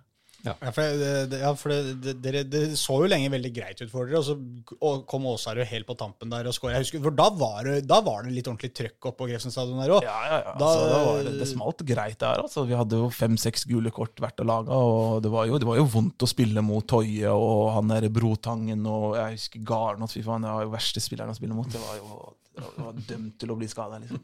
Men, det var bra- men det var også bra trøkk på tribunen, tenkte jeg på også. Mm. Altså sånn, Det var mye folk, både Kjelsås og Skeid. Ja. det, var, det var en ordentlig kul ramme da, rundt eh, den, eh, den kampen der. Men så har du jo da, apropos lokalarbeid, det, det er jo K5 Grorud på lørdag, er det vel? Ja, det stemmer. Så det burde jo, det burde jo vært høyere, da. Heftigere. Det burde jo vært heftigere, da, men så er det jo litt sånn eh, hvor mange som kommer og, og ser på de kampene, hvor mye passion det er på tribunen. og man, man liksom, Oksene lager jo liv. Ja. Og de bidrar jo til at det blir litt stemning og, og, og litt sånn eh, rundt de kampene. Og så har jo pro- profetene også lagd litt liv eh, iblant. Da. De lagde jo relativt greit med liv mot eh, Fredrikstad. Da var det jo mange folk på tribunen. Så håper vi at det blir mye liv. Det var utsolgt, faktisk. Ja, utsolgt som kor koronarestriksjoner med Ja, ja, men det var jo ganske fullt der, da. Ja, ja, altså, det var, det ikke var det, det var ikke så mange, det var ikke mange seter imellom de som satt på hovedtribunen der, for jeg satt der sjøl. Ja, ikke sant? Nei, jeg fulgte ikke med. Hva var det han sa? 300 og- Nei, Det var et eller kanskje annet. 600? Nei, ja, eh, ja, var det ikke 600 et eller annet da? Jo, fordi de hadde jo den tribunen bak mål òg, der Ja. hvor Fredrikstad Ja, det er sant, det. Ja, for Grorud-supportere, dem, dem har ikke jeg klart helt å plassere. Men eh, har du en Vi har jo ikke egentlig fått sett dem, da, for det har jo ikke fått lov til å slippe inn omtrent folk. Men eh, de har jo, de har jo fått eh, på plass eh, litt eh, supportergjeng eh, på Grorud. Ja. Så det, det er jo litt sånn som profetene, på en måte. da. Det er litt Mm. trommer, og det er litt eh, Men de har ikke så veldig mange eh, Når vi snakker om på en måte, sanger da, og Ja. tekst, så Nei. er det ikke så mye tekst. Det er mye sånn blå og gul. Ja, jeg så en episode av den der eh, Grorud Ja. Underdogs-saken, og da var det han faren til han Christo som Ja. tydeligvis styrte Han kjøpte jo en masse sånn supporterutstyr fra Var det Bocca Juniors, tror jeg? Ja. Eh, Ja, fordi ok. at de hadde samme fargene som Grorud. For det var jo ikke noe, sånne klappere Ja, og sånn, ikke sant? ja. Ja, forskjellige sånne ting da, som hadde liksom, var blå og gule. da. Sånn har ikke, har ikke Jan Bøhler lagd noe supportersang? Nei, ikke, ikke plant den tanken engang. Man, man, man trenger jo sånne, Altså, så får håpe noen overtar nå som han Christo skal til Haugesund. ja, og så tror jeg det er broren til eh, Leo også. Leo Kornic. Ja. Victor, eller hva han heter for noe, tror jeg også er en av disse som er veldig sånn pådrivere der. da. Ja, trommer og, så, og der igjen har du litt annerledes enn profetene. Litt mer, litt mer vok, i hvert fall litt overraskende mer voksen publikum, faktisk. Som Mm. er, ikke som nødvendigvis sitter og synger, og sånn, men som faktisk er på kampene. da. Ja. Så det, det har tatt seg opp litt i Grorud også, så det blir spennende å se nå. Er det, er det i, eh, oppe i dalen, eller? Ja, det er vel i- hos dere? Ja, på det? Ekeberg. Det er på Ekeberg. Ja. Ja, på Ekeberg, så vi... Og så- Og da, og da når vi snakker om Grorud og Skeid og alle disse andre klubbene, og vi kan ikke nevne alle i tredje divisjon, for dem er jo, dem er jo tida, men eh, jente Susann spør da eh, hvilken Oslo-klubb er nærmest Vålerenga i Oslo altså om, om fem år? Koffa. Koffa. Ja. Kort og kontant. Nei, altså, det er uh... Men kan de rykke opp? ja, Altså, jeg tror Jeg vet at du er programforplikta til å si det på en måte, da, men jeg, jeg tror at Koffa kan rykke opp på sikt. Mm. Jeg tror det er den, Hvis det er en klubb i Oslo som skal opp i løpet av de neste fem åra, så tror jeg det er Koffa. Koffa har, de, de har mye på gang, altså både med tanke på, på trenerapparat, eh, spillerstall eh, De bygger jo nå med stadion og, og litt sånne ting der. Eh, så jeg, jeg, jeg føler i hvert fall at Koffa har, har veldig mye på gang. Så skal de jo bli mer og mer profesjonelle med åra og, og gjøre tiltak sånn at man kan ta det nødvendige steget opp. da. Men om det er eh, neste år eller eh, i år da, eller neste år eller om to år, det, det vet jeg ikke. Men da trenger man jo liksom å, man trenger fasiliteter til å, til å gjøre det. Så når vi får garderobe 15 minutter før vi skal på trening, så det er ikke godt nok akkurat nå. Eh, Men men jeg er enig med deg at de har jo på en måte De har jo alle ingrediensene i denne potten til å bli det. Altså Som du sier, de får ny stadion. De, de har et eh, stort og ganske dyktig trenerapparat nå. De, de Det er har- Jørgen Isnes og Daniel Fredheim Holm og Johannes Mosgaard kommer vel fra, Ja. fra Vålerenga. Ja. Viktige spillerutvikler der, husker jeg. ja, altså ja, Johannes tenker du på? Ja. Ja. altså Jeg tør å påstå at den beste signeringa Koffa har gjort eh, Nå må jeg passe på at det ikke blir sånn smiskesak, da, men eh, at den beste signeringa Koffa har gjort Du skal starte på benken likevel, Du, Ja, ikke sant? Så jeg, det, det spiller ingen rolle. Uh, den beste signeringa Koffa har gjort, er faktisk å signere Eller få han der uh, Johannes, eller Johs, som vi kaller han, eh, til å bli en del av, av trenerteamet. Og så må vi ikke glemme Lybekk oppi det hele. Og Lybekk, selvfølgelig. Ja. ja, så han er, han er fin, han. Og litt klumsete og, og sånn, sånn, men de der konkurransene til Lybekk, det, det er bare krangling. Det. Aldri, Ja, for det er aldri jo noen regler. Dere er jo i posisjon fortsatt til å ta, den, ta en av disse kvalikplassene. Ja, altså, vi er vel på det sjetteplass med hvor mange poeng ned da? Tre? To? Ja, det er noe det sånt. ikke noe sånt? Tre, Det er jo- Stadig mindre. Det er jo min påstand at K5 kan slå alle lag i Obos-ligaen når dere er på deres toppnivå. Ja, altså det, det tror jeg vi kan gjøre. Vi har uh, spillerstallen til Koffa per nå, hvis alle er friske og raske, det er, eh, det er høyt nivå, spør du meg. Ett poeng ned til uh, Ranheim. Ja. Fire opp til Sogndal. Ja, ikke sant? Uh, spillerstallen vår og den troppen de har fått på plass nå, det, det, er, det er høy kvalitet, og det er på alle posisjoner, så å si. Uh, nå har vi hatt litt manko på, på midtstoppere, men uh, Jørgen Hammer begynner jo å komme tilbake nå. Så alle posisjoner så er det jo konkurranse, og hvis det er en som er skada, eller en som er borte, og en som ikke presterer, så har du alltid en ny en som liksom kommer inn og kan gjøre den jobben. Og det tror jeg, er, eh, det tror jeg trenerteamet har gjort smart i, og, og henta, henta spillertyper som, som kan bidra til at man blir bedre. Da. Ja. Så jeg husker, jo, jeg husker jo i vinter der hvor vi hadde ti, ti stykker på skadelista og måtte få opp åtte juniorspillere. Eh, det var liksom Vi er et par nivåer opp eh, nå på trening enn det vi var da. Vi er jo det. Det er som en annen sa til meg, det er- jo en merkelig, litt merkelig konstruksjon. Altså KFM, Oslo. YMCA London, kan vi se, oss for, kan vi se for oss dem i Premier League? liksom? Ja, altså, ja, jeg, jeg er enig i det, men Men, jeg, men det, var det, bare, det var det jeg skulle si i stad. De har på en måte, ja, de har eh, kompetanse på trenersida, de har kvalitet i spillerstallen. Det virker som de har litt penger å rutte med. Mm. De får en stadion. Eneste er om de klar, det eneste problemet på en måte er jo akkurat det du er inne på. en måte, Tilhørigheten. Hvem er denne klubben for? Hvem skal fylle stadion? på en måte? Ja. Eh, Det er publikum her som på en måte er den siste egentlig ordentlige nøkkelen som de må knekke og få på en måte eh, dette til å bli ikke KFM, eller i hvert fall ikke bare KFM, men også bli en Ekeberg-klubb på en måte, for uh, folk på Ekeberg. Ja. Ikke bare de som spiller der, men folk som kanskje har tilknytning til Bekkelaget eller andre klubber i Nordstrand. At de kommer og ser på at dette blir på en måte uh, fjelltoppens lag, da, for å si det sånn. Jeg er, jeg er helt enig i at uh, det er det med publikum, og vi må prøve å, å bli bedre og få de som er i nærområdet, både Bekkelaget, Nordstrand og de klubbene rundt der, da, til, å, til å bli en del av eh, til å bli en del av KFUM når vi har kamper, og, og bidra til å lage stemning der. Og så er jo Koffa også veldig flinke til å, til å hente Oslo-gutter. Eh, som igjen gir andre mennesker tilhørighet til, eh, til Koffa og Ekeberg. Da. Så nå har vi jo mange gutter fra Holmlia for eksempel, som en del av laget. Så det er jo mange fra Holmlia som kommer og ser på, på kampene våre òg. Mm. Så jeg tror det, det blir jo fort den måten å fylle, fylle opp stadion på, at du, du har noen du kjenner som kommer opp og, og se på en kompis, da. Og så blir det plutselig et, lag, et kult lag å se på, så kommer du opp og ser, eh, ser uten at kompisen din spiller òg. Ja, for det er det som er nøkkelen. Om du klarer å få dem til å bli der etter at uh, de du kjenner, eller Ja. om det er sø familie eller venn eller hvem det er, eh, når de eventuelt ikke spiller lenger, går, går du fortsatt og ser på kampen. Fordi i utgangspunktet så kan du si Jeg er jo fra Mortensrud, ikke sant? samme Ja. som uh, Jonny. Og jeg kan tenke meg sånn når Hvis jeg hadde vært ung nå, da. Jeg dro jo da jeg var ung og så på Oslo Øst-spillet, så på Manglerudstad-spillet. Ja, uh. Men jeg, kunne aldri, jeg tror aldri jeg kunne tenkt meg at liksom, jeg drar opp og ser på KFUM. Ja. Det er klart, Nå var jo ikke de på det nivået de er nå, men det er et eller annet som bare Jeg tror ikke det, jeg, jeg er litt usikker på om det fenger nok, da, på en måte. Ja, men det, det er jo liksom, Man har jo en jobb å, jobb å gjøre der, og så er det jo til syvende og sist så tror jeg det er fotballen som liksom bestemmer hvor, hvor eh, attraktiv man blir. da. Og vi er jo kjent for å spille, spille en ganske fin fotball, og det er jo flere som har fått øynene opp for Koffa de siste åra, hvis, eh, hvis du tenker sånn med tanke på prestasjoner og, og hvor man er eh, i ligasystemet. Så jo, når vi får opp en ny stadion der, og det blir litt mer blest rundt eh, rundt Koffa, de, de som er en del av akademiet nå, de kidsa, det er jo masse kids som driver og er med i akademiet og spiller på diverse gutte- og jentelag. Mm. Når de blir eldre igjen, at vi klarer å få de til å bli en del av, eh, en del av Koffa og komme og se på kamper og ta med seg venner og kjente, så kan man jo plutselig få en del folk, da. Du argumenterer godt for deg, David. Jeg er med på uh, optimismen din. ja, ikke sant? Nei, men jeg, jeg håper jo Mitt mål da, nå, er jo mange, nå ser vi jo mange år frem i tid, da, og det er ikke, jeg kommer vel ikke til å holde på så mange år, men håpet mitt er jo at Oslo-fotballen kommer opp og frem. Mm. Fordi det som var eh, når, vi, når både Koffa, Skeid, Grorud var i andre div, eh, Lyn også for den slags skyld, og vi hadde Vålerenga i Eliteserien, så det var, det var liksom ikke noe Oslo-fotball.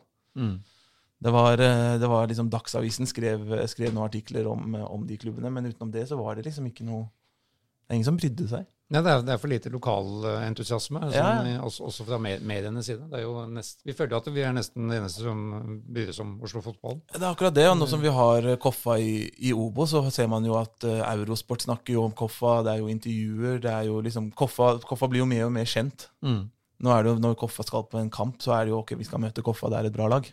Mm. Det er ikke noe 'hvem er Koffa'? Ja, ja, ja. Men du er vel kanskje i traktor da, om et år eller to? Vi vet jo aldri hva som skjer med deg, har jeg skjønt, etter denne Ikke den iranske traktor, i hvert fall. Det er en sånn der John Derry-sak som eh, Håkon starta opp med her. Ja, Kanskje du flytter på landet, rett og slett? Ja, Ja, og blir bonde. Ja. Men apropos nivå, da. Nå får vi en test i morgen mot Kristiansund. Mm. De ligger vel på bransjeplass i Eliteserien. Så hvis, jeg vet ikke om du, om du klarer å legge ut dette, denne podkasten for, for avspark i morgen, men eh, Det får vi bare se. Det det er jeg som skal klippe dette. greiene. Jeg har aldri gjort det før. da får vi jo et, eh, ja, et måling av nivå, da. Ja, altså det er på papiret så skal jo Kristiansund uh, slå oss. Det er ikke noe det er ikke noe hemmelighet, det, men uh, i cup så kan jo alt kan jo skje i cup. Jeg husker jo vi spilte jo mot Odd for noen år siden. Det er to år siden nå. Det var ikke sånn at man ble ikke skremt. Selv om Odd vant, så var vi, vi var på bølgelengde hele kampen, og det var jo tett og jevnt. Ja, det stemmer det. Var det den som het 3-2 eller sånt til dem på Ja, jeg tror det var 4-2 jeg, de skårte på slutten etter Ja, at vi ja, press, stemmer det. Men det var, der. det var helt jevnt hele veien. Ja, det var jevnt hele veien, så det, jeg, jeg tenker at det kommer til å bli ganske jevnt i morgen. Og de kommer nok til å ta hensyn til oss også, det gjør de. Ja, helt opplagt. Håkon, du får siste ord. Jeg har et par spørsmål til, men jeg vet ikke om vi gidder, egentlig. Det det er mer sånn som dere kan ta hjemme, tror jeg. Ja. Det blir for internt. For, for, For intern, Ja, ikke sant. familiespørsmål, da. Ja. ja. eller jeg kan jo ta forresten eh, Vi kan ta et familiespørsmål, da. Eller det var bare fordi eh, lillebroren din lurte på når du hadde Instagram-takeover for KFUM. Ja. Så lurte han på hvor mye av det du egentlig la ut som var sant. Han syntes du var veldig eh, Du fremstilte deg selv som en veldig sånn treningsvillig og sunn type. Så han var litt usikker på om det egentlig stemte. Altså, jeg angrer på at jeg forteller han, eh, han lillebroren min ting. Altså, nå fortalte jeg han i går at jeg skulle på en sånn podkast, så jeg tenkte ikke at han skal ødelegge hele podkasten. Men eh, Nei, altså egentlig Nei, altså- han eh, Det var jeg som fikk tak i han, altså. Via tak i han? Jørgen, ja, okay. Jørgen i Oppsal. Ja. Rydland. Nei, altså, Vi hadde jo den der takeoveren, da. Og så var det jo covid, så jeg var hjemme hos foreldra på Lindeberg, og han var jo der, han òg. Så skulle vi, da skal vi jo være litt sånn uh, motiverende og virke seriøse og sånn. Da. Så da la, jeg fram noe frukt og grønnsaker og jeg vet ikke, noe Litago og sånne ting på bordet og lata som at det var frokosten min, liksom, eller lunsjen min. Og så var jo, Nå kommer jeg tilbake til den historien der hvor jeg spiste skolebrød til frokost når jeg spilte i Oslo City, så da vet dere hvordan jeg egentlig er. Så da, det er jo det han refererer til, da. At det var noe ruccola og noe brokkoli og litt sånne ting der. Og hva, eh, det andre var eh, dette, har, ikke- dette skjønner jeg ingenting av, så dette, da- det skudd i blinde herfra. Ja. Men hva tenker du egentlig om søndager i vaskehallen? Jeg, jeg skjønner ingenting av Vi spørsmålet. kan, vi, kan ikke, Ja, ok. vi kan ikke videre med noe som helst. Nei, altså søndager i vaskehallen det er egentlig bare en sånn tradisjon jeg, broren min og, og faren min egentlig har. Og faren min er veldig sånn at uh, når, du, han, når du kjøper ting, så skal du ta vare på ting.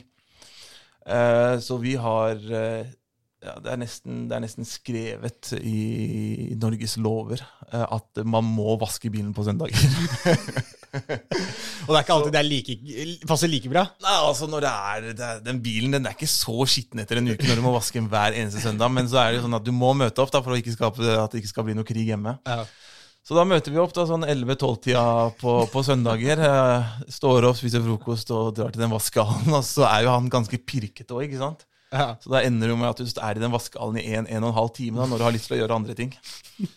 Så det er jo en tradisjon. Og så får vi, får ja, for da er det selvvask, selvfølgelig. Ja, Du kjører jo ikke inn i noen Nei, maskin. er du gæren? De, de så maskinene.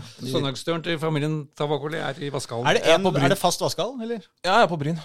Det skal han på Bryn med den der gamle Statoil-sjappa der. Eh, Den med sånn kafé i Ja, helt riktig. der, de, har jo, de har jo dritgod mat oppi, oppi der. Jeg har fått en pleide å spise lunsj der før, altså. Han er glad i Bryn, altså. Ja, ja, ja, jeg har spist der sjøl. Du, var jo, du fikk jo Jeg tror vi spiste noen fårikål eller et eller annet. Ja. Så når vi hadde spist en diger porsjon, så kom han ja, Var det Var det en iraner som dreide greiene der, da? Go godt mulig. Det Ja, var så sånn- kom han tilbake og spurte om vi skulle ha mer. Og bare flissa på mer og mer. Det var, du spiste til vi sprakk alle mann. Det var jo fantastisk kafé. Ja, ikke sant? Så for de som hører på, Hvis du ikke får tak i meg på søndager rundt sånn 11-12-tida, så er jeg i vaskehallen på Bryn. Uten dekning. Og da, ja. Uten dekning. Nei, dette har vært kjempehyggelig, David. Ja, det var Veldig, veldig sånn. moro. Takk for at jeg fikk komme. Dette var morsomt. Da takker vi for oss. Det gjør vi. Ha det. Vi følger på KFM videre. Du har hørt en podkast fra Dagsavisen. Ansvarlig redaktør heter Andreas Heen Haaland Karlsen.